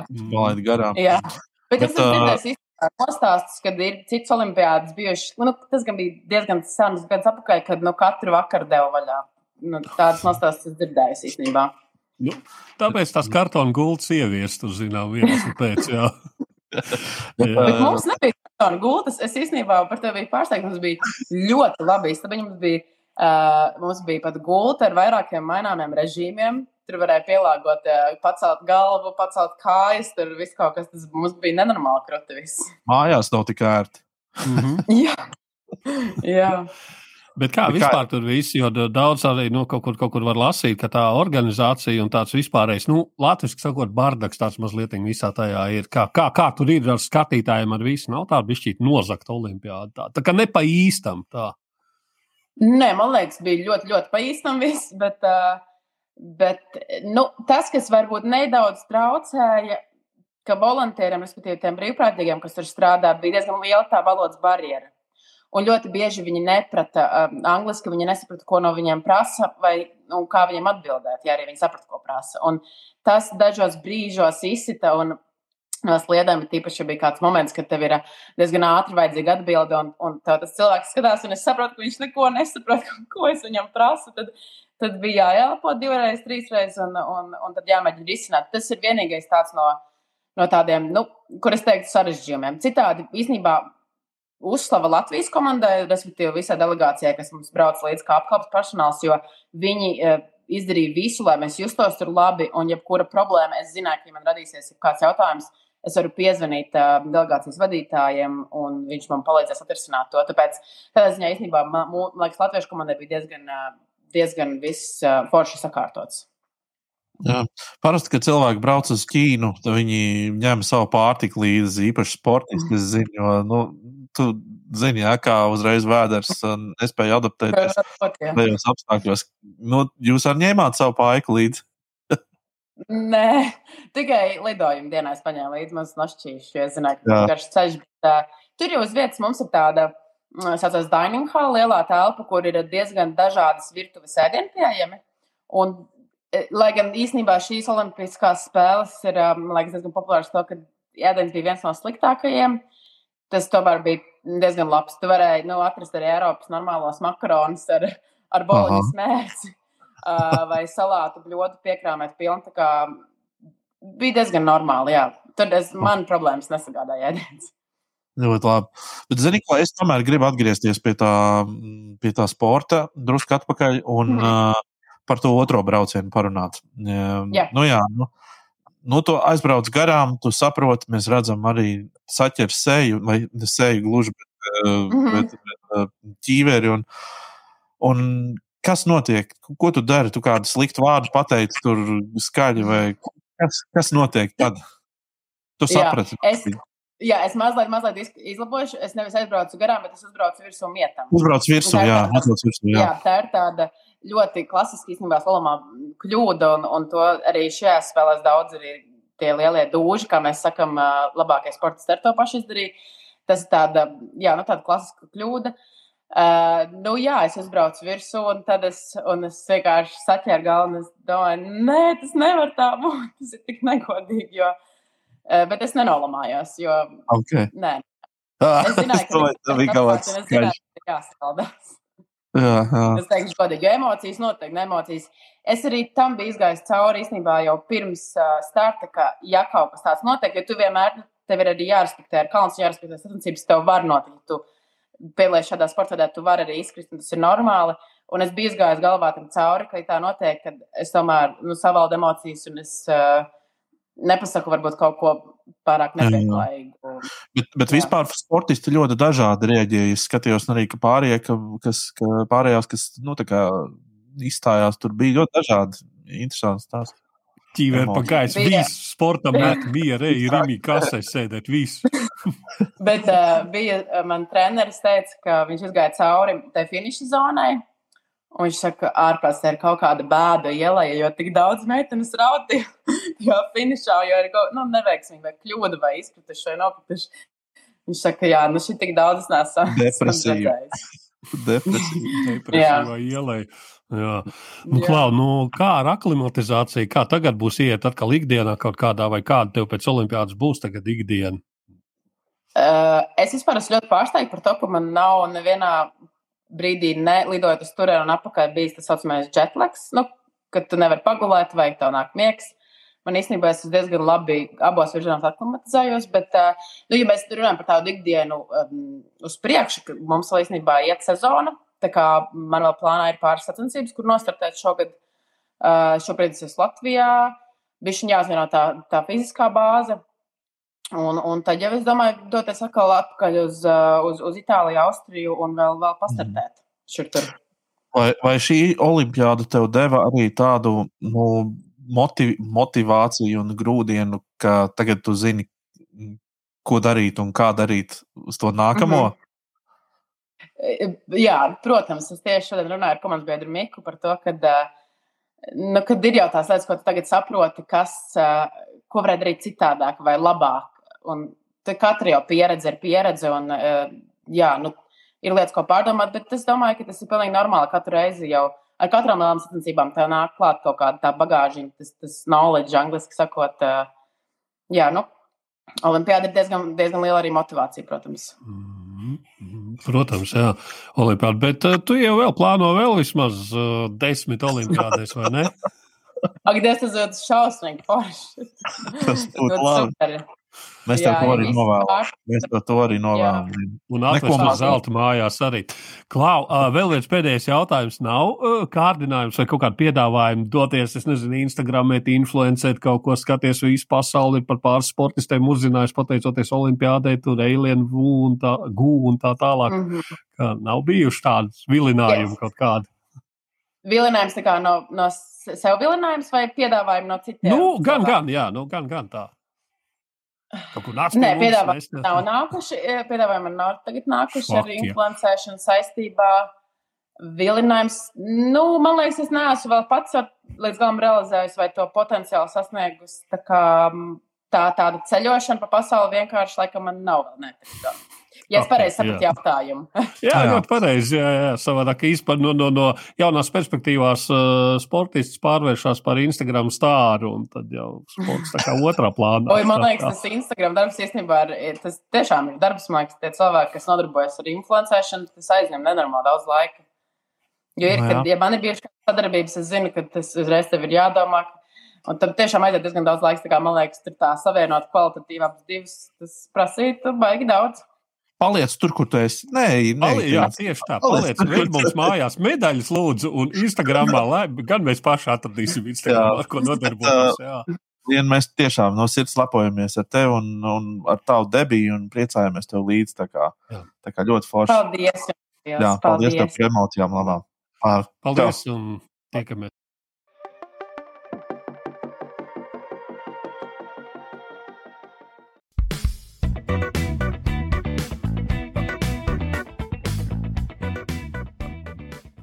Nu, tad aiziet ikdienas Twitter. Uh, apskats Twitter vēl joprojām ir uh, mans mīļākais sociālais tīkls, un tur vienmēr ir jautrība. Sāksim ar Tāpēc, to, ka Juris Vaidakovs. Twitters ir veciem cilvēkiem. Es gribēju ātri pieminēt to. Ah, Tāpēc tas ir mans mīļākais. Jā, jā. Protams, jā, nu tā. Nu, lūk, uh, Juris Vaidakovs. Un tad brīnās, ka sabiedrība ir par žurnālistikas līmeni. Brīžiem šķiet, ka šis portāls speciāli radīts, lai dotu tam iemeslu. Runa ir par mūsu visu veco ļaužu vismīļāko portālu NRA.CLV, kurš ir nopostējis sirsnīgi sveicam Niku Matvējevu un citus 13. februāra jubilārus. Sirsnīgi sveicam Niku Matvējevu. NRA. Ne. NRA.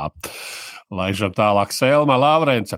Ceturtdiena nebūtu ceturtdiena, ja Kirsteina kungs saimā nepateikt kaut ko pilnīgi vaiprātīgu. Uz soliņiem notiekot pederastija, deputāts esot meitenes, kas neko nesaprot, bet vispār visur ir marksisti nesaistīti. Dzirdēju, ka ir cilvēki, kas šņaudz mildrunātu.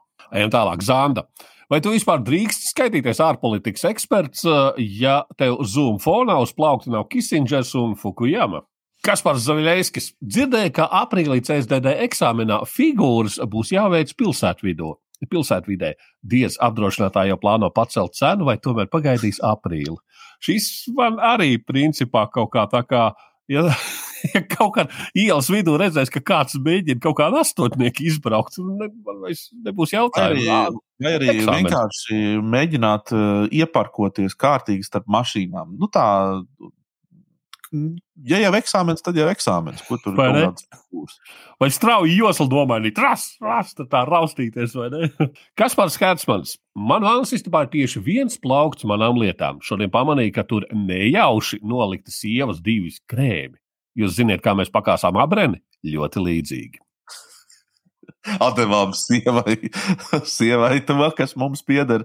Jau, jau tā, jau maz, maz laukumiņš, un sieva tāpat okupē to teritoriju jā, es arī neciešu, ka tas notiek. Anse Tarvida. Izdomāju, ka šonadēļ eksperimentālā kārtā uztaisīšu četrām dienām, divas maltītes dienā, kopā astoņu ēdienu, uh, meal prep, lai nebūtu pusdienu laiki, vakar jāziedo nenormāls pīķis, jāatstāj voltiem gatavai apmēram 3 stundas, izmaksas 47 eiro, varēja būt mazāk, sapirkos daudz, no mājās viņai bija tādi produkti, kas tur bija. Nu, Laura, tev ir par šo kas sakāms.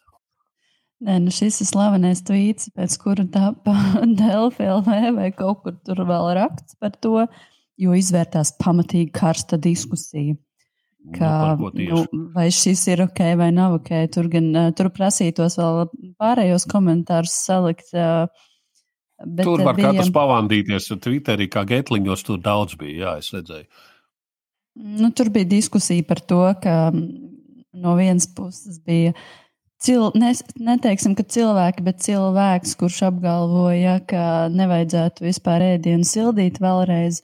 Es zinu to cilvēku, esmu pazīstu, un es zinu viņas pozīciju, un es um, zinu, es tā kā novērtēju to, kā viņa pieiet kvalitatīvam uzturam, bet vai var pārmest citiem par to, ka viņi dara citādāk? Droši vien, ka nē.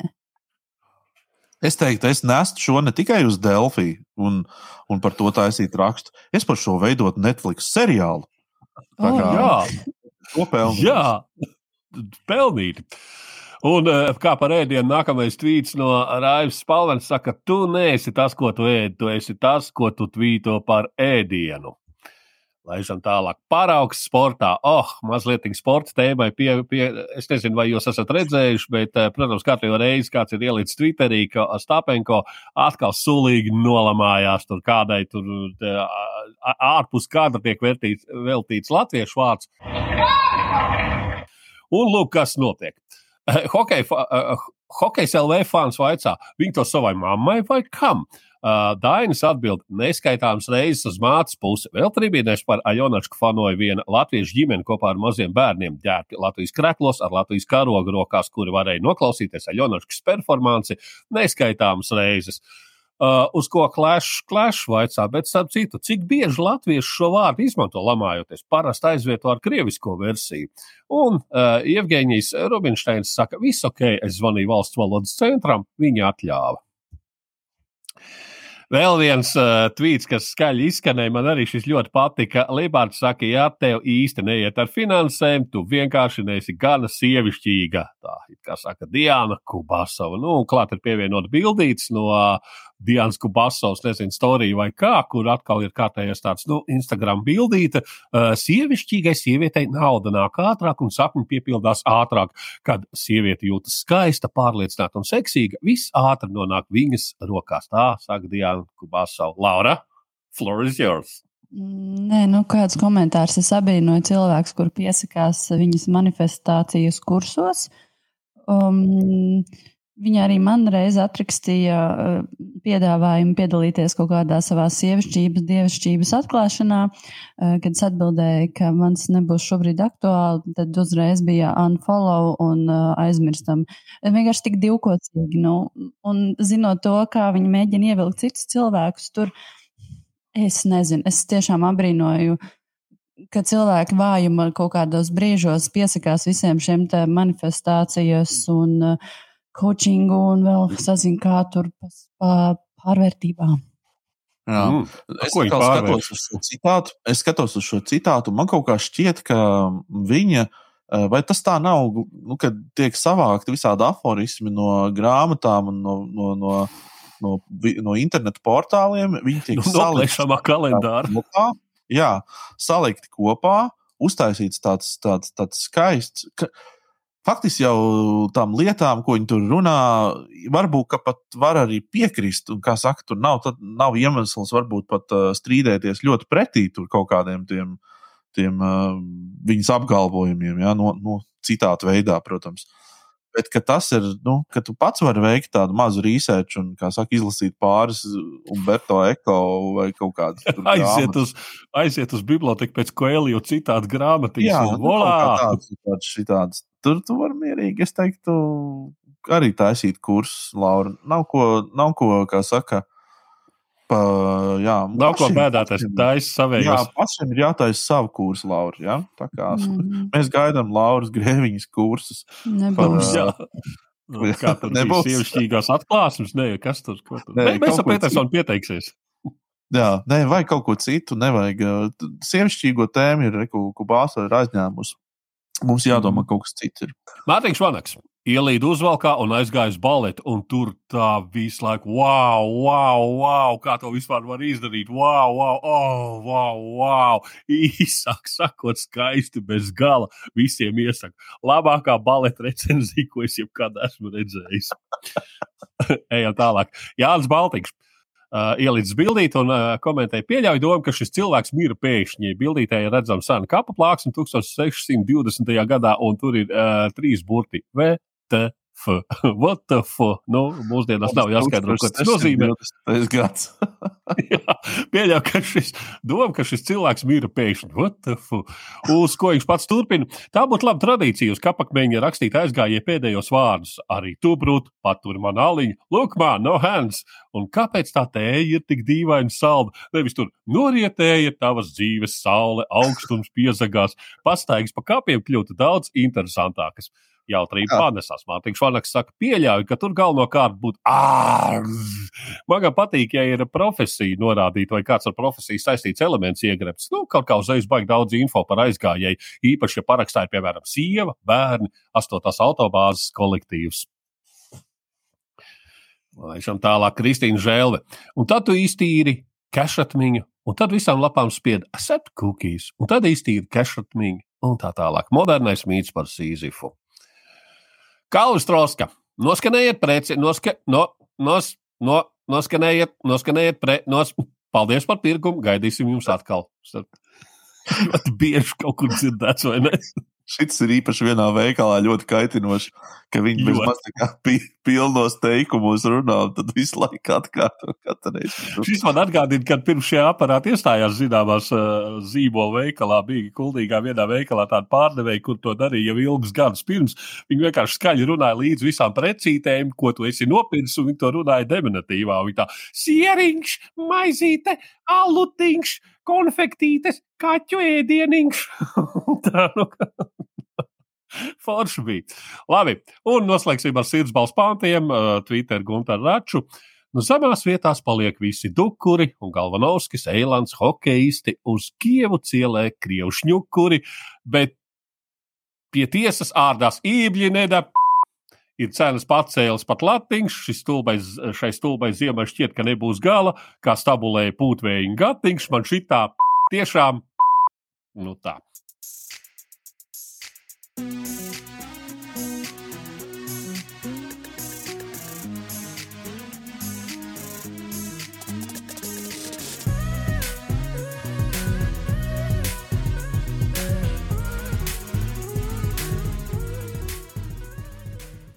Šī agali ir bijusi tā nedēļa, kur uh, ar vienu aci ir vienā ekrānā, ar otru aci otrā ekrānā. Oh, jā. bet tāpat es īstenībā esmu diezgan maz ko noskatījies. Uh, tas ir viens seriāls, bet tad pilnībā. Bet tad pilnībā. Jā, mm. -hmm. nu, kas tad ir mums skatām vēl? Varbūt sākam, uh, sākam mūsu parādi šonadēļ. Nu, vai kāds ir paguvis noskatīties uh, vienu no Kanye West dokumentālās triloģijas uh, daļām? Jau es paguvu. Es tikai, es tikai traileri. O, nē, man Kenija reāli asociējās ar kaut ko vidēji starp kīvīču un gobzem visā savās izpausmēs. Tā kā Talantīgāks vienīgi. Vienīgi, nu jā, talantīgāks, bet tur visā savā tajā pompozumā un tā tālāk. Tā kā es, Pir- Pirms Jā. to, pirms to Lauris sāca stāstīt, es pavisam ātri izstāstīšu savu uh, kaņie stāstu. Jā. 2017. gadā eh, es nopirku mātei uh, uz dzimšanas dienu uh, Ņujorkā koncertu, kur, uh, kur bija Kanjē, uh, Rijana, uh, Luka Mm. Fiasko un, uh, un Nerd, uh, Farels Viljams. Mēs bijām Madison Square Gardenā. Wow. Manā māte skatījās rap koncertu pirmo reizi savā mūžā. Un tur apkārt vienkārši bija kaut kas nu, ne, nenormāls. Tur viss Brooklynas uh, melnādainie bija sabraukuši. Vienkārši nu, tā, nu, bija soldāta koncerts, protams, un tā. Bet um, tad, kad uznāca Kanjē uz, Baltie, uz, ja? Jā, mēs bijām vienīgi Baltijā tur. Un tad, kad uznāca Kanjē uz uh, skatuves tad, uh, un sāka tur darboties, jūs neticēsiet, mana māte te atvērās. Kā, kā saka, puszālē viņi tur bija. uh, Nu, viņi, viņi- fanoja par manu māti, uh, kā viņi fano par Kanjē. Tā kā, Wow. tā kā tas, tas bija tas, tas vienkārši tā, ka uh, no malas var šķist, ka, protams, ka viņš ir tur āršķirīgs un kāds tur vēl dīvainis, pilnīgs dīvainis, un tam es arī piekrītu. Bet tad, kad viņš ir uz skatuves, tur kaut kas tomēr ir. Tur kaut kas tomēr ir. Laura, vārds tev. Um, nu jā, nē, nu, Kenija Vest personība jau ir ļoti nu, neparasta. Un uh, es šo filmu skatījos arī tāpēc, ka es gribu zināt, kā, nu, kā, kā tiks parādīts viņš šo 20 gadu laikā. Jo, cik saprotu, viņam principā jau kopš viņa karjeras sākuma, kas jau ir dīvaini, tā kā red flag, ka tev seko džeks ar kameru jau kopš tu vēl neesi īsti populārs ka tu jau esi, nu, vienmēr sakot, izdomājis, ka nu, tu būsi huge. Tev jau no tur 2000. gada filmē. Un es viņam gribu redzēt, kā attīstīsies tas, kā viņš ir veidojies.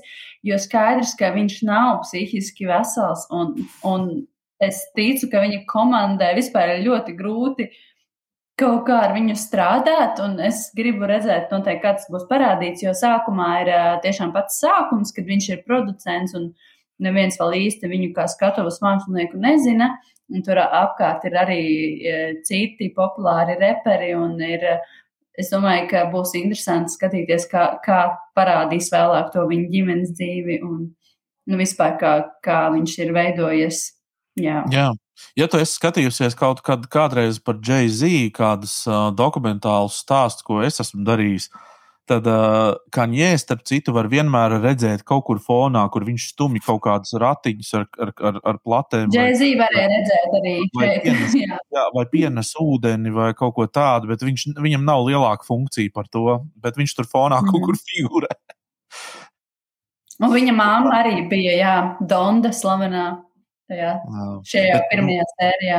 Bet tu arī piekrīti, ka viņam nav visu mūmiņu ielējā, vai ne? Nu, protams, ka nav. Paskatieties uz viņa Instagram kontu. tas, ka, jā, tas varētu Nav, nav, protams, bet tas ir, es domāju, tas ir traki. Viņam ir, viņam ir bipolārie traucējumi, tas ir zināms jau, bet, nu, nu jā, jo it kā arī stulbi tā kā viņu aprunāt tādā ziņā. Tu zini, ka viņam ir viss diagnoze. kārtībā. Donalds Trumps arī viņu visu aprunā. Un, kā saka, nu, viņš Tieši ir tā. publiska, publiska persona, viņš ir izvēlējies skatu, viss ir kārtībā. Nu, um, Nu, kā saka, jā. tu jau, kā saka, labi, ja mēs nerunājam tieši par to, kāds viņš ir, uh, nu, kā saka, uh, kā, kādām dzeguzēm galvā, tā ir viena lieta, bet, nu, teiksim, Mm. viņš jau. Redzi, kur, tas, kur tā atšķirība? Atšķirība ir tāda, ka viņš pēc sevis velk arī miljonus sekotāju. Jā, un, un tad protams, ka viņi tiek visādos veidos iespaidot. Un, ja tu ilglaicīgi saki cilvēkam, noliec no tilta, noliec no tilta, nu kādā brīdī kāds no tiem, cik viņam tur to miljonu sekotāju ir, ņems un arī noliks no tā tilta. Kā, es domāju, viņš ir uzmanības, nu, kā saka, jāpatur tajā radarā šāda tipa cilvēki. Tieši tāpat kā Donalds Trumps. Tieši tāpat. nu, jā. Viņš ir baigi, nu, baigi sarežģīta personība. Jā, es pat nezinu, jā. es tā baigi nesakoju viņam līdzi, bet gribu redzēt, ka tā ir. Tu turpinās skatīties šo, jā? Jā, Jā, okay. nākamā nedēļa būs. Jo tur jau tikai trīs sērijas. Nākamā nedēļa ah, būs. Nu, okay, ja tā, tad, tad, tad var mēģināt, tad var mēģināt pieslēgties. Triloģija.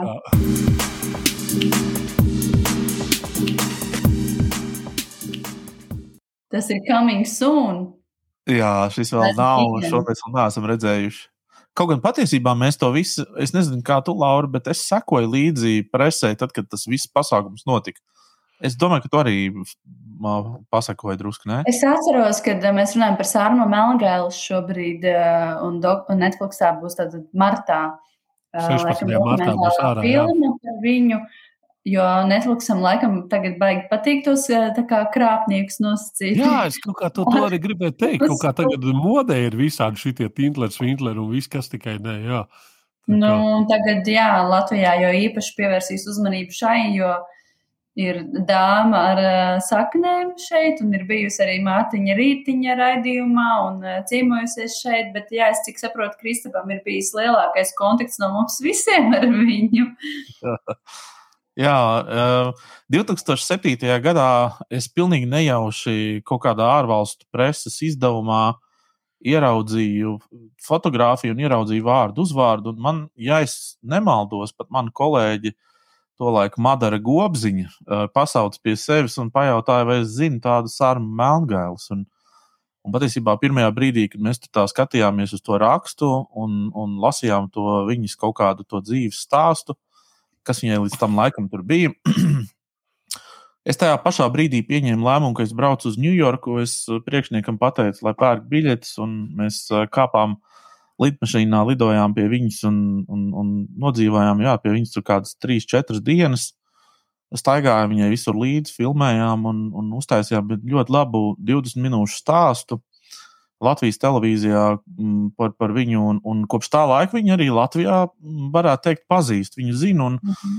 un, un, un, un, un tā. Un, un tad man ir, es, jā, es pāris reizes vēl esmu viesojies tajā pašā 12. gadā, kad bija tas kaņē koncerts. Tad es arī savu māti ar viņu sapazīstināju. Mēs bijām, bijām restorānā, un tad, kā saka, vai tu arī būs redzams filmā? Es nezinu, jau aizdomīgi izklausās. Jā, tas bet, reāli aizdomīgi izklausās. Jā, mm. bet, jā nē, mums ir, mēs laiku pa laikam uzturam kontaktu, uzturējām līdz tam īstenībā trakajam notikumam. Un tad viņi, protams, palika klusi un vairs neko, mm, kā saka, neminēja, nerak, nerakstīja. Bet Jā. es varu godīgi atzīties, ka šobrīd esmu kontaktā ar Sārmu un, un, kā saka, aicinu viņu uz, uz interviju, uz šo astoņos. Tad cerams, kādā no nākamajiem raidījumiem mēs visi trīs varētu sā, sārmu, kā saka, paintervēt.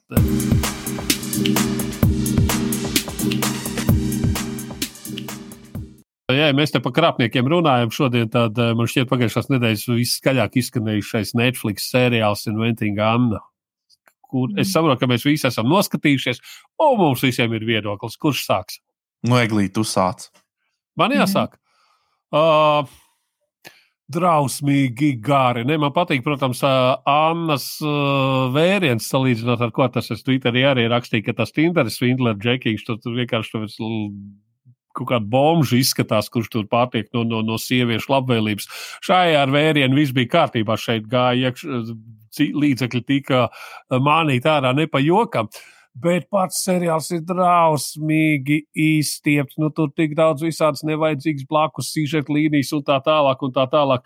un es zinu, ka ir zelta aveni vai ne, bet es nezinu, kas, kas ir seriālos kaut kāda līdzīga antibalva. Es to noteikti dodu tai dāmai, kur bija tā galvenā žurnāliste, kur atveidoja kādā, no kāda amatieru teātra viņi bija paņemti, tās grimas, ko viņi visu laiku tur taisīja, tās, tās overexciting uh, izpausmes. Tas bija tik sasodīti, kaitinoši, ka vienā brīdī gribējās viņu iepļaukāt, ne, neskatoties to, ka viņi ir bērnu gaidībās un pateikt, ej, savācies bišķīt. Nu, kaut, kā, kaut kā, jā, tas viss nenostrādāja.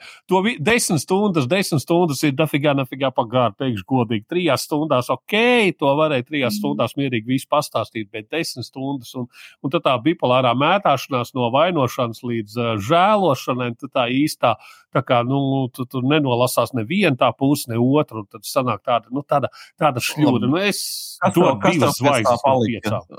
Ok, tad tu esi diezgan negatīvi noskaņot. Labi, es diezgan labi. negatīvs. Nē, man patīk tas stāsts, man patīk tas viss, viss, viss, viss man patīk, kā uh, Julija Garner, uh, kur arī no Ozarkā ir asā dāmīta, vai ne? Un, un, un, un, uh, bet, uh, Visādi citādi tas stāsts bija daudz par garu. Viņš forši, pirmā sērija bija ļoti gara. Es pirmo sēriju domāju, ok, es, es šitas, šitas nebūs, šito es neskatīšos, bet atkal es paskatos sociālos tīklos, baigais hype, nu labi, pievarēšu. No kaut kādas otrās līdz kādai ceturtajai, nu, plus mīnus piektajai, tur tas, tā interese kāpj, jo pēc tam tas lēnām jau atslābst, jo viss jau sāk iet uz rīņķi. Un, un, un, un, kā, nu. un tiešām nevienam nelikās aizdomīgi, vien visu laiku spēlē histēriju, kā viņai paprasta naudu, tā teicis, nav ieskaitījis. Nu, kas tas ir? Okay. Mm, jā, nu, ja es varu paturpināt, es piekrītu, ka bija pa garu, un es piekrītu arī tiem, kas saka, ka labprāt būtu redzējuši šo kā, dokumentālo filmu, ne seriālu, bet cik saprotu, tad būs arī dokumentālā filma. Bet, nu, cik interesanti būs to skatīties vēlreiz, nezinu.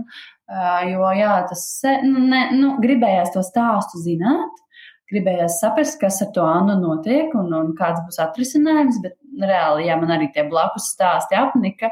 Un tā, jā, arī tā žurnāliste likās, nu, tiešām tev dzīves bērns, un tu vēl raksti, tu raksti. Nu, tā kā, nu, Ūdeņi atgājuši, un tu vēl raksti. Jā. Mīmēni, bet, bet pats stāsts kā tāds ir interesants, un, un, un, un tas, ka kad visi jau saprot, ka viņi izkrāp to naudu, bet tiem bagātajiem ir kauns vienkārši to atzīt. Jo, nu, mm. kas mēs stulbi esam, tādā ziņā ļoti interesants tāds sižets. Bet, nu, noteikti nav gada labākais seriāls, bet mm. tieši no, jā, tas sižets. Bet pavilki droši vien, vai ne? Tu, tu nebija tā, ka noskatījies uh, ar gariem zobiem.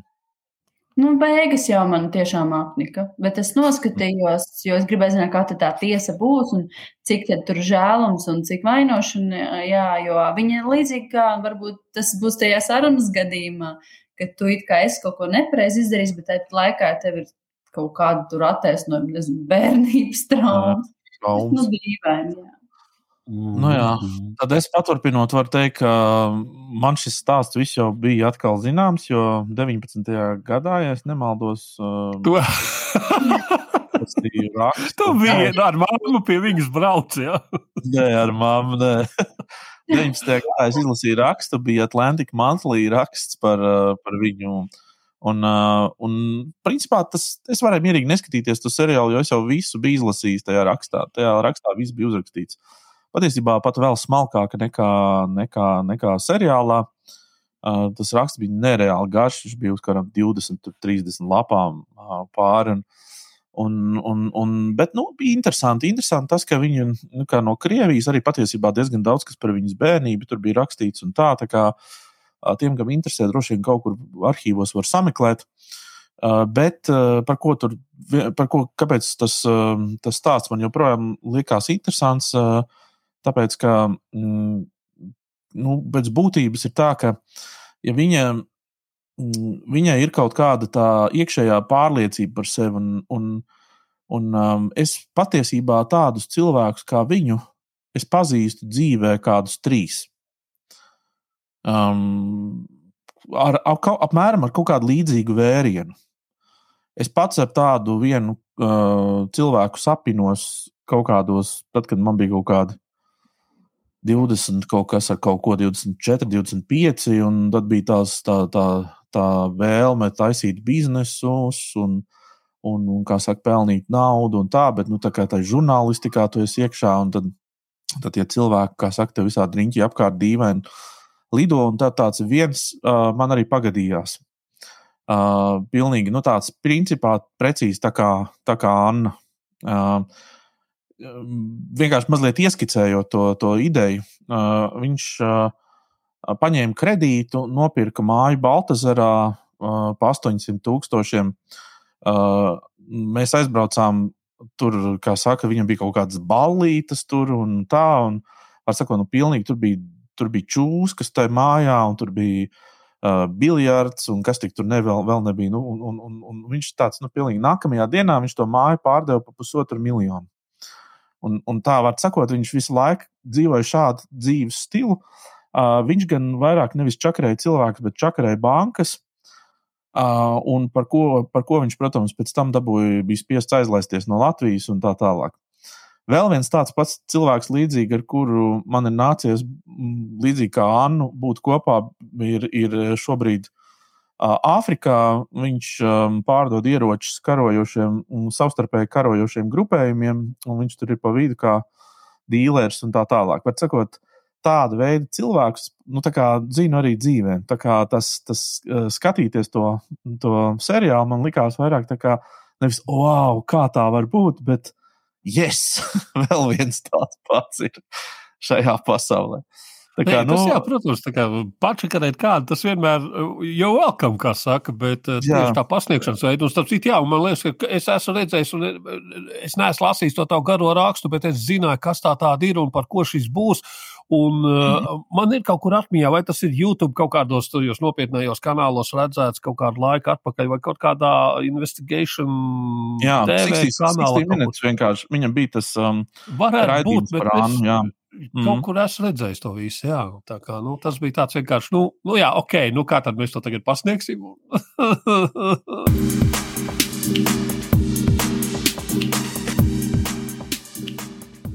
Nu, lūk, zvaigžņu kara ir nobeigušies. Zvaigžņu kara, ne, zvaigžņu kara nav nobeigušies. Ir beigusies pirmā sezona Book of Boba Fett, Boba Fettas grāmata, pirmā sezona. Un, atcerieties, es teicu, ka tas viss ir vienā katliņā ar Mandalorietu. Protams, ka tas ir viss vienā katliņā ar Mandalorietu, jo viņi ir visi vienā visumā, viņi satiekās, viņi viens otru meklē, viņi ir no vienas, es nezinu, no vienas cilts, no kurienes tur, un kas viņi tur visu tur tās backstorijas. Un, protams, ka viņi satiekās, un viņi tad ir uz vienu roku, un tur ir visu internetā absolūtais mīlestības Mīluls uh, Joda Baby, ja, kurš, man liekas, savā otrajā ekrāna sekundē, kad viņš parādījās, kļuva par absolūto hītu visā plašajā pasaulē, nu, ne tikai zvaigžņu kara komunā. Un kas liekas visdīvainākais, kā tiešām tagad būs divi atsevišķi seriāli, viņi jau kopā tusējās, viņi jau ir vienā komandā, viņi jau, viņi jau karo kopā, viņi jau ko tur dara, visas tās zvaigžņu lietas. Kā tas tagad būs, ka tev būs atsevišķi tam seriāls, atsevišķi otram būs seriāls? No, kā, no katra seriāls. perspektīvas. No katra perspektīvas! Man, nu tas ir Disneja. Ne, es nebrīnīšos, ka tā arī izspiedīs to, to visu, to, to zvaigžņu kara sāgu vispār nogalinās. Nu, tā kā, jā, esam ceļā uz to. Romeo un Džuliets, 97. gada Lloyd Kaufmana produkcija. Romeo tā nav draugs kļūt, tas ir Romeo un Džulieta. Lieta tāda, ka tam uh, Kaufmanam uh, viņam bija kompānija uh, Troma Entertainment, kur specializējās uh, alternatīvā, ne, bet tādā independent, B klases, trešā, tādās neatkarīgajās filmās. Nu, tur tā kā maz neliekās, tur ir tādas muļķības. Es nezinu, vai kāds skaidrā prātā to var lasīt, ne, vai to var skatīties. Kāpēc šis ir jāredz? Uh, tāpēc, ka tas ir James Gāna viens no pirmajiem darbiem, viņa scenārijs. Nu, James Gāns mūsdienās ir viens no lielajiem spēlējušiem režisoriem bija Marvel visumā, tagad pārvācies uz konkurentiem DC. Tā kā jā, nu, tas ir visneiespējamākais, kas var būt. Uh, protams, uzminiet, kas ir kāds klasisks stāsts ir pamatā. Es nospoilošu, es zinu, ka tie, kas ir gribējuši to noskatīties, to ir izdarījuši simt reizes. Tie, kas to neskatīsies, tie neskatīsies nekad. Beigās, kad Romeo un Julietai tā kā būtu jādzer īņķi un tā tālāk, nekas tāds nenotiek. Viņi ir la dzīvo laimīgi tālāk dzīvi, bet viņi tāds sīkums, viņa izrādās brālis ar māsu. Tā kā ir pa melno, ir tāds trešnieks, ka, ka, ir tā, ka tu ik pa brīdim aptur to kadru, uztais Facebook un domā, nu nopietni, kā, kā, kā, kā, ko cilvēki lieto, ka viņi kaut ko tādu var izdomāt. Tā kā, jā. nu, bet tas visā nopietnībā tāda kompānija pastāvēja. Viņiem tur daudz tās filmas ir, un viņi bija populāri savā laikā.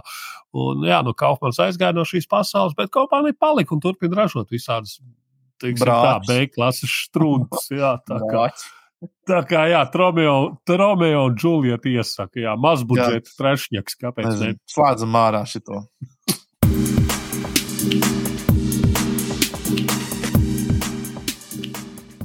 Nu, manuprāt, šī bija ļoti laba klausāmā nedēļa.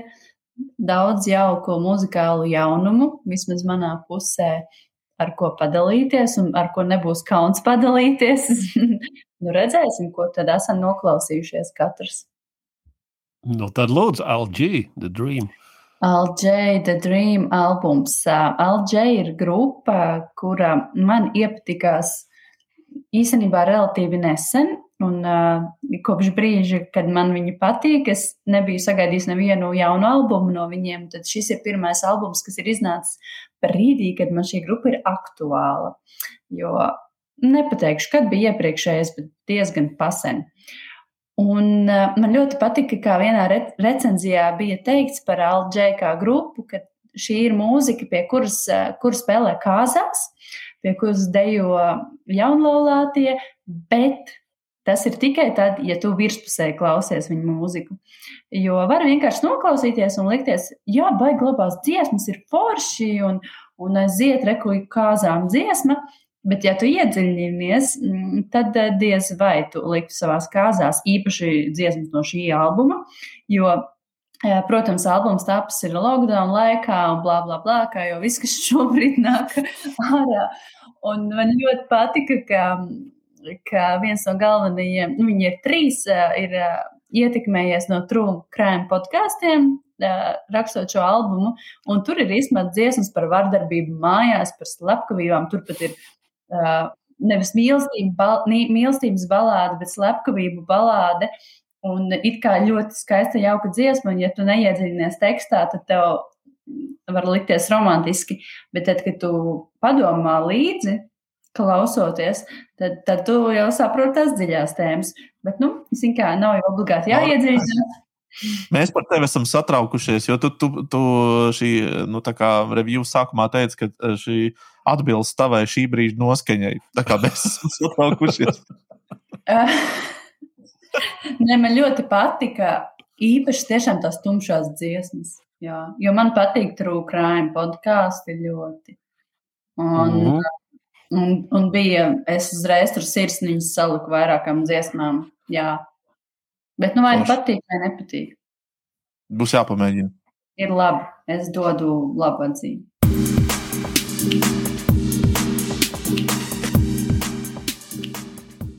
Ok, Beach House. Es zinu, ka Kristofs tūlīt teiks, ēglī, tev atkal atmiņa pievīlus. Mēs par šito jau esam runājuši kaut kad pagājušajā rudenī. Jā, Kristof, tev ir taisnība. Beidzot, beidzot Beachhouse ir pilnu albumu izdevuši, beidzot tas ir noticis, jo Beachhouse, eh, kā no, no pagājušā gada rudens līdz šim brīdim, uh, bija sadalījuši to albumu četrās daļās, un ik pa mhm. brīdim pa pārstām daļām ielika jā, tīklos. Un tad, nu, beidzot, viss ir ārā, un viss kopā beidzot ir jēgas klausīties visu kopā, jo, zikā, ja tu sāc klausīties tā pirmajām četrām, tā uz šo brīdi, kad ir pilns albums, tās pirmās četras jau sen skipo projām, tev ir šitā te līdz kaklam. Tā kā, jā, Beachhouse un Once, Once Twice Melody ir uh, pilns albums albums beidzot ārā. Nu, tas ir beach house, tas ir jāklausās, tas ir skaisti. Tas ir eh, jaunlaulātie dejo kāzās, un tur nav slepkavības, un viss notiek, un tur ir tāds patīkams. Tur, tur, tur pat eh, recenzijā Pitchforks ir iedevis ļoti labā recenziju, kas reti notiek no Pitchfork. Jā, tad, tad, tad tur bija rakstīts, ka tas ir kā, kā naktsnīgās debesīs, ka tev iz, nu, tas salūts tā kā tu attālināt skaties, un viss ir tā patīkami. Jā, nu, protams, tas ir mazliet dream pops, tas ir mazliet shoegaze un tādas lietiņas, tā kā, nu, ir ļoti forši. Tas ir mans nedēļas prieks. Cik Pitchforks bija iedevis atzīmi? Atceries? Oh, baidos samānīties. Man liekas, ka kaut kādi septiņi ar kapekām. Mm -hmm. Bet es baidos sameloties. Es, man tagad nav vaļā. Tas skatās augstu, jā. Tas skatās augstu, jo pitchforks vienmēr ir kā pitchforkam ir tā, jo kaut kas nesaprotamāks, jo tam ir lielāka uh, vērtība viņa skatījumā.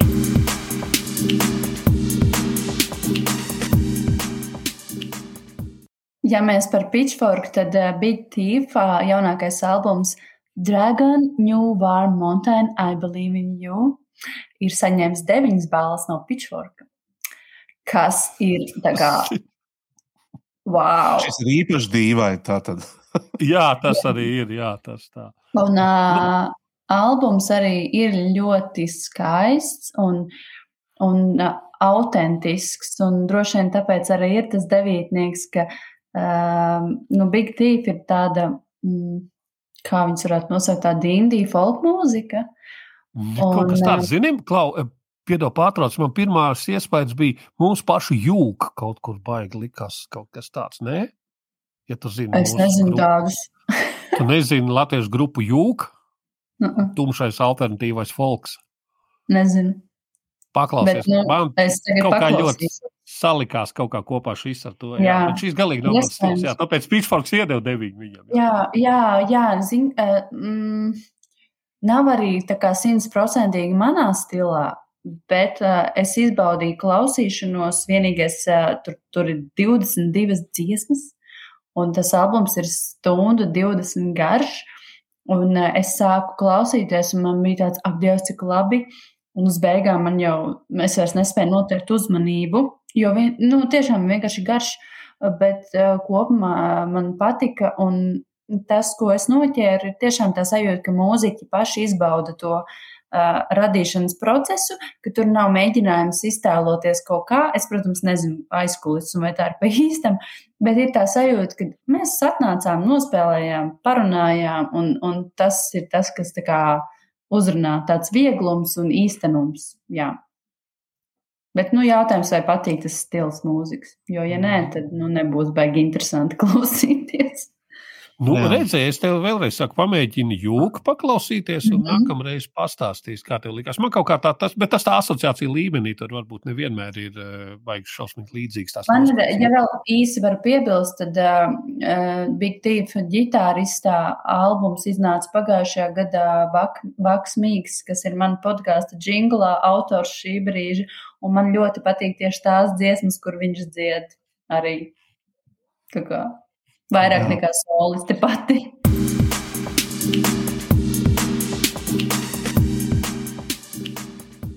Nu, labi, no, uh, no tādām apcerīgām noskaņām ejam iekšā tumšajā galā. Autor and Punisher tas ir viens džeka projekts. uh, Viņš ir kaut kur no Amerikas, aizmirst no kurienes. Tas baigi nav svarīgi. Svarīgākais ir tas, ka pēc izglītības viņš ir elektroinženieris. Līdz ar to viņš uh, būvē pats savus instrumentus. Un, protams, viņš izmanto visādus datorus un taustiņu kontrolierus un tā tālāk. Tik, tik, tik slims neviens nav, ka pats tur klavieru taisīt vai ģitāru.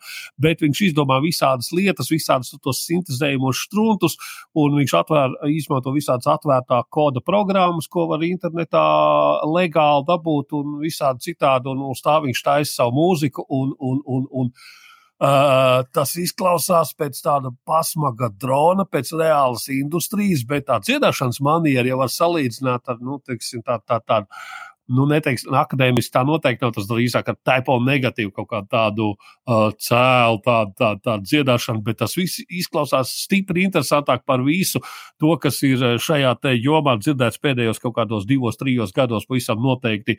Uh, pirmais iespējas ir, o, oh, tas ir kaut kāds metāls, un tad tu saproti, nē, bet tur taču nav nekā no metāla, tas ir pavisam kaut kāds cits stāsts, tas ir pavisam citas noskaņas. Un kas ir forši, var pameklēt, uh, nu, pat man nav baigi jāmeklē uh, YouTube ir pavisam legāli viņa koncerti, kur viņš ar visām tām uzpariktēm. Nu, uz skatuves ir, un, ja parasti nu, tāda mūzika, nu kā, nu, kas tur ir, tā kā nē, inčnāls, ja ģitārītis, tur ir kontrolierītis un vispārējais, un čeki tur do virsū pie saviem sintēzatoriem, tad viņam ir reāli, tā kā iedomājas kaut kādas, tā kā virpas, tā kā kaut kādi tur. Uh, ārprātīgie mehānismi, kas rada to, to, to, to mūziku, tos trokšņus un, un, un tos ritmus un vispārējo to visu. Viņš kaut kādā veidā pamanās to visu savākt kopā un noturēt kaut kādā, uh, nu, teiksim, mūzikā.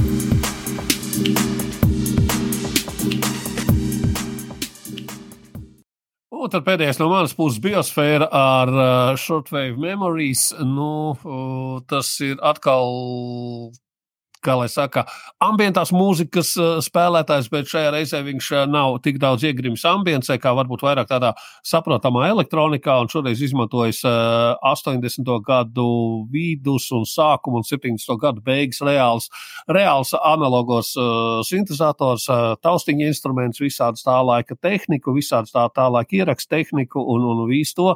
Un tie, kā viņš pats raksta, tur tas kaivs ir tajā, ka tas nav tā kā mūsdienu, tur, teiksim, tā austiņā tu ieprogrammē to skaņu un ieprogrammē to patēru, nu viņš atcerās, nē, tas, tā, tā, tiem aparātiem, ko viņš izmanto, vispār nav nekā tāda, tur, tur, tur nav nekāda iekšējā keša, tā kā, nu, ko tu spēlē uz to brīdi, tā viņš arī skan, ja tu kaut ko pārslēgs, pagrozīs, tu to skaņu diez vai dabūsi vairs atpakaļ, ja tu viņu neiz kaut kur iemūžinājis. Nu, tādā veidā viņš ir eksperimentējis, eksperimentējis, kamēr ir izdevusi tādu albumu. Izklausās uh, forši, patīkami, ar noskaņu, nu, mazliet varbūt pat Žanmišels Žāra kaut kur agrīnos tos kosmiskos uh, uh, skaņdarbus atgādina. Tā kā katrā gadījumā tas ir atkal Pitchforks ir diezgan, es vispār biju izbrīnījies, ka Pitchforks par kaut ko tādu raksta, jā, jo mhm. galīgi nav folk mūzika, zinu vai zinu, un, un, un, un, un iedevis, ok, vērtējumu ir, un saku, sauc šo par leģendu, tā kā, nu, es iedomājos, ka tie citi šī džeka darbi varētu būt stipri nesaprotami. Es esmu vēl dažus albumus dzirdējis, tie tādi arī ir. Un šis ir vissaprotamākais no vīru vārdā biosfēra un shortwave memories. Tā kā lasāmā, klausāmā mūzika, tad, kad tu lasi grāmatas vai zīmē. Vai, vai, vai ej pa ielu, vai vienalga, ko dari. Nu, tā.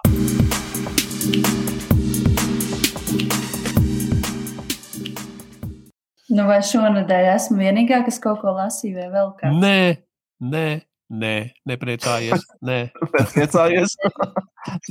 Nebūs. Man tikai, jā, man tikai, man tikai grāmata, vai būs tomēr jums arī? Eglīti kaut ko klausījies, cik es zinu. Ah, jā. labi, labi, labi. Okay. Nu, tad, es, tad, tad es pastāstīšu, citādi nē. es beidzot izlasīju vienu grāmatu, kas jau man ilgi stāvēja plauktiņā. Tā ir Antonija Bordēna, kurš, ir, kurš bija slavens šefpavārs un TV personība amerikāņu Um, jā, un viņš, diemžēl, 2018. gadā uztaisīja pašnāvību.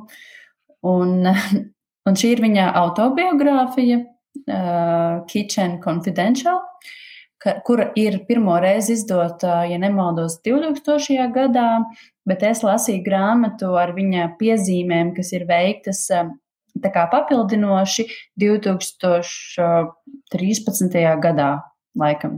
Tātad, nu, desmit gadus vēlāk, kad viņš ir izlasījis šo grāmatu vēlreiz un pats atzīmēs lietas, kuras ir mainījušās pa to laiku, jo tas, ko viņš šajā grāmatā stāsta, ir tātad par viņu karjeru, kā tā sākās īstenībā jau no bērnības, kad viņš ir apņēmies kā mazs puika būdams pagaršot visus ēdienus un, un nevis, nevis, nē, šito nē, šito nē, bet kopā ar saviem vecākiem, kuri viņus veda ar brāli uz restorāniem, bieži apņēmās ēst visu. Un kā bērns jau ir pagaršojis savu pirmo austeru, un viņš tur pašā grāmatā sākumā arī to stāsta.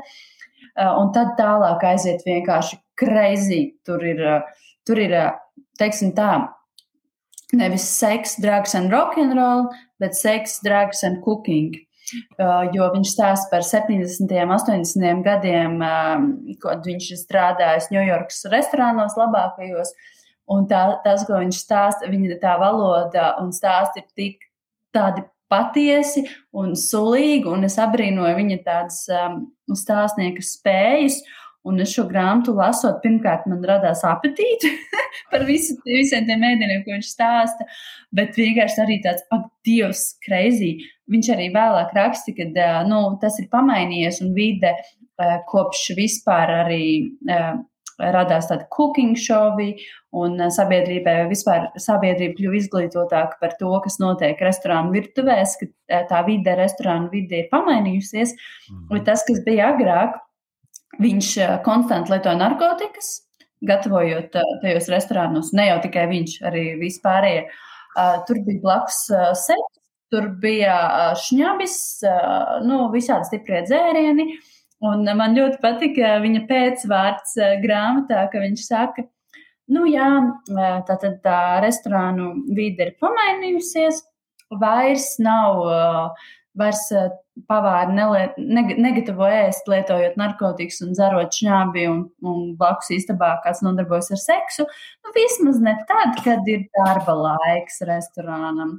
Nu, atstāja tādu, ka nu, tas varbūt viss vēl notiek, bet nu, vismaz restorāns ir aizslēgts. Un, un vienīgais ir, ir nu, zinot to, kā beidzās viņa dzīve, un ka viņš uztaisīja pašnāvību, ir diezgan tu lasi un tev liekas, ka Dievs, nu, izējot cauri tādai mm, tik drausmīgam tādam darba režīmam, ka tu vispār neguli un tu, lai noturētu sevi nomodā un spētu strādāt un kļūt ar vien labāks, tu vienkārši lieto heroīnu, nevis aizēj un izgulies, jo tev na, darbā nav tāds iespējas, ka tu, nu, tu neatnāc uz darbu. Tev ir jāiet uh, jebkādā stāvoklī.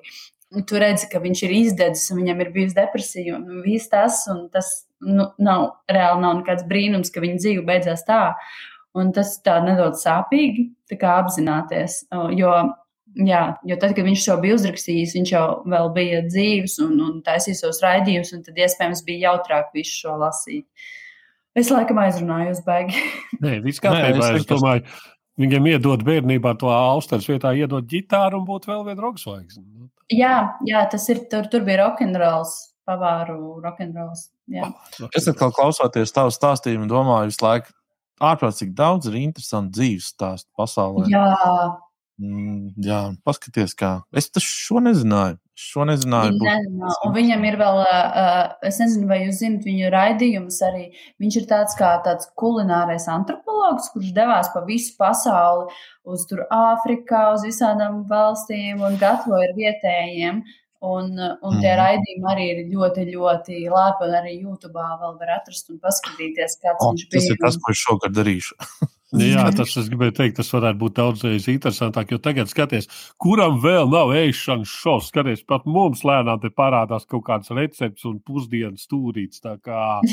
Šis bija tāds pirmais, es teiktu, oriģinālais.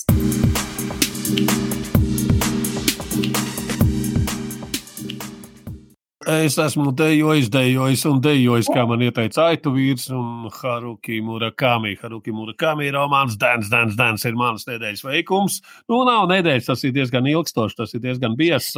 Es gan jāpiezīmē klausījos pārmaiņas pēc kaut ko nevis lasīju. Uh, nu, kā lai saka, Murakami, tas nekad nav vienkārši. Tas uh, nekad nebūs tā, kā tev mutē viss iebāzīs, kas, kas, kas, kas tieši notiek un kā tieši traktējams tas vai šitais uh, stāsts, par ko viņš stāst, vai par ko lieta, par ko viņš runā. Te viņš stāsta, kā no uh, galvenais varonis ir viņš pats, kā viņš saka par šo romānu. Tas ir viens no viņa, teiksim, agrīnajiem, pirmajiem, 80. gadu vidū tapis. Uh, te ir dīvaini notikumi, te ir dīvaini hot teļi, te ir prostitūtas, te ir slepkavības, te ir pašnāvības, te ir vienkārši pazuduši cilvēki, bet tas nevienā mirklī nav kaut kāds krimināls thrillers. Tu, tu, tu lasi un domā, jā, nu tā tā dzīvē notiek. Un ok, tur čeks tur sapazīstās ar kādām slavenām fotogrāfēm un, un, un tad tusējās ar viņu meitu, vienkārši pieskat viņu, viņai 13 gadi, nu tā nevar 34 gadīgs vīrietis tusēties kopā. Un tur nu, paralēli tam visam notiek visādas dīvainas lietas. Un, protams, ir daudz visādas tās viņa apcerējumu tā tālāk, un, un nevienā mirklī nav garlaicīgi. Tā kā uh, Lārta man prasīja, kādu murakami es iesaku, viens no tiem, kurus es iesaku, uh, ja tev pirmā grāmata bija tas, tas, tas par to skriešanu, nu tas, jā, tas tur vairāk tur es te skrienu, skrienu, skrienu, un tā kā ir Lauras Reinīgs dzied to dziesmu, skrien, skrien vēl. Bet uh, šis ir uh, diezgan dīvains un, un, un, un, un... Te tu vienkārši dejo, dejo, dejo. Jā, jā to ieteica Aitu vīrs, un tas Aitu vīrs viņam ik pa brīdim romānos parādās kaut kur ik pa brīdim mēs satiekam kādā romānā, kādā grāmatā. Aitu ir te, aitu ir dzīvo vecā hotelī, citā viņš dzīvo tur tajā dīvainajā bibliotekā vai vēl kaut kur vēl ik pa brīdim kaut kur parādās aitu ir. Kaut kur parādās tie tēli, kaut kas tāds, tā, tā, bet, Nu, jā, Murakami, nu, tā jau saka, Murakami esot ģēnijs, un kur neviens tā īsti vēl tā, visi, visi grib izlikties, ka saprot, bet, nu, neviens mhm. īsti nē. Es, es, es šo noteikti izlasīšu kaut kad arī. Tad padalīšos savos iespējās. Tā kā es, eh, draugi, piedzīvoju šonadēļ Kaunpilno pēdējo vietu staigāšanas eh, sacensībās. Sūrā zinu, divu cilvēku šitajā konkurencē. Es zinu, ko es darīšu šajā nedēļas nogalē. Tu, tu, tu esi godpilnajā otrajā vietā. Nē, man der tikai zelts. Man jau ah. citādi es raudāšu palagā. Aizkaros. Jā, jā raudāšu aizkaros.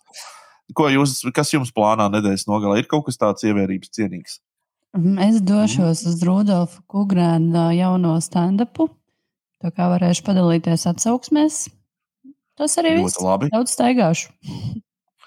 Es Jā. šorīt redzēju, ka ir Rīčijs Rūda devies pasaules koncertu turnīrā pa Latviju, bet es neapmeklēju. Es arī iešu. Bet, uh, mēs ar jums visiem tiekamies tieši pēc nedēļas. Uh, palieciet sveiki, palieciet veseli un, uh, un pievienojieties mums, jā, reiz tieši pēc nedēļas. Visu labu! Visu labu!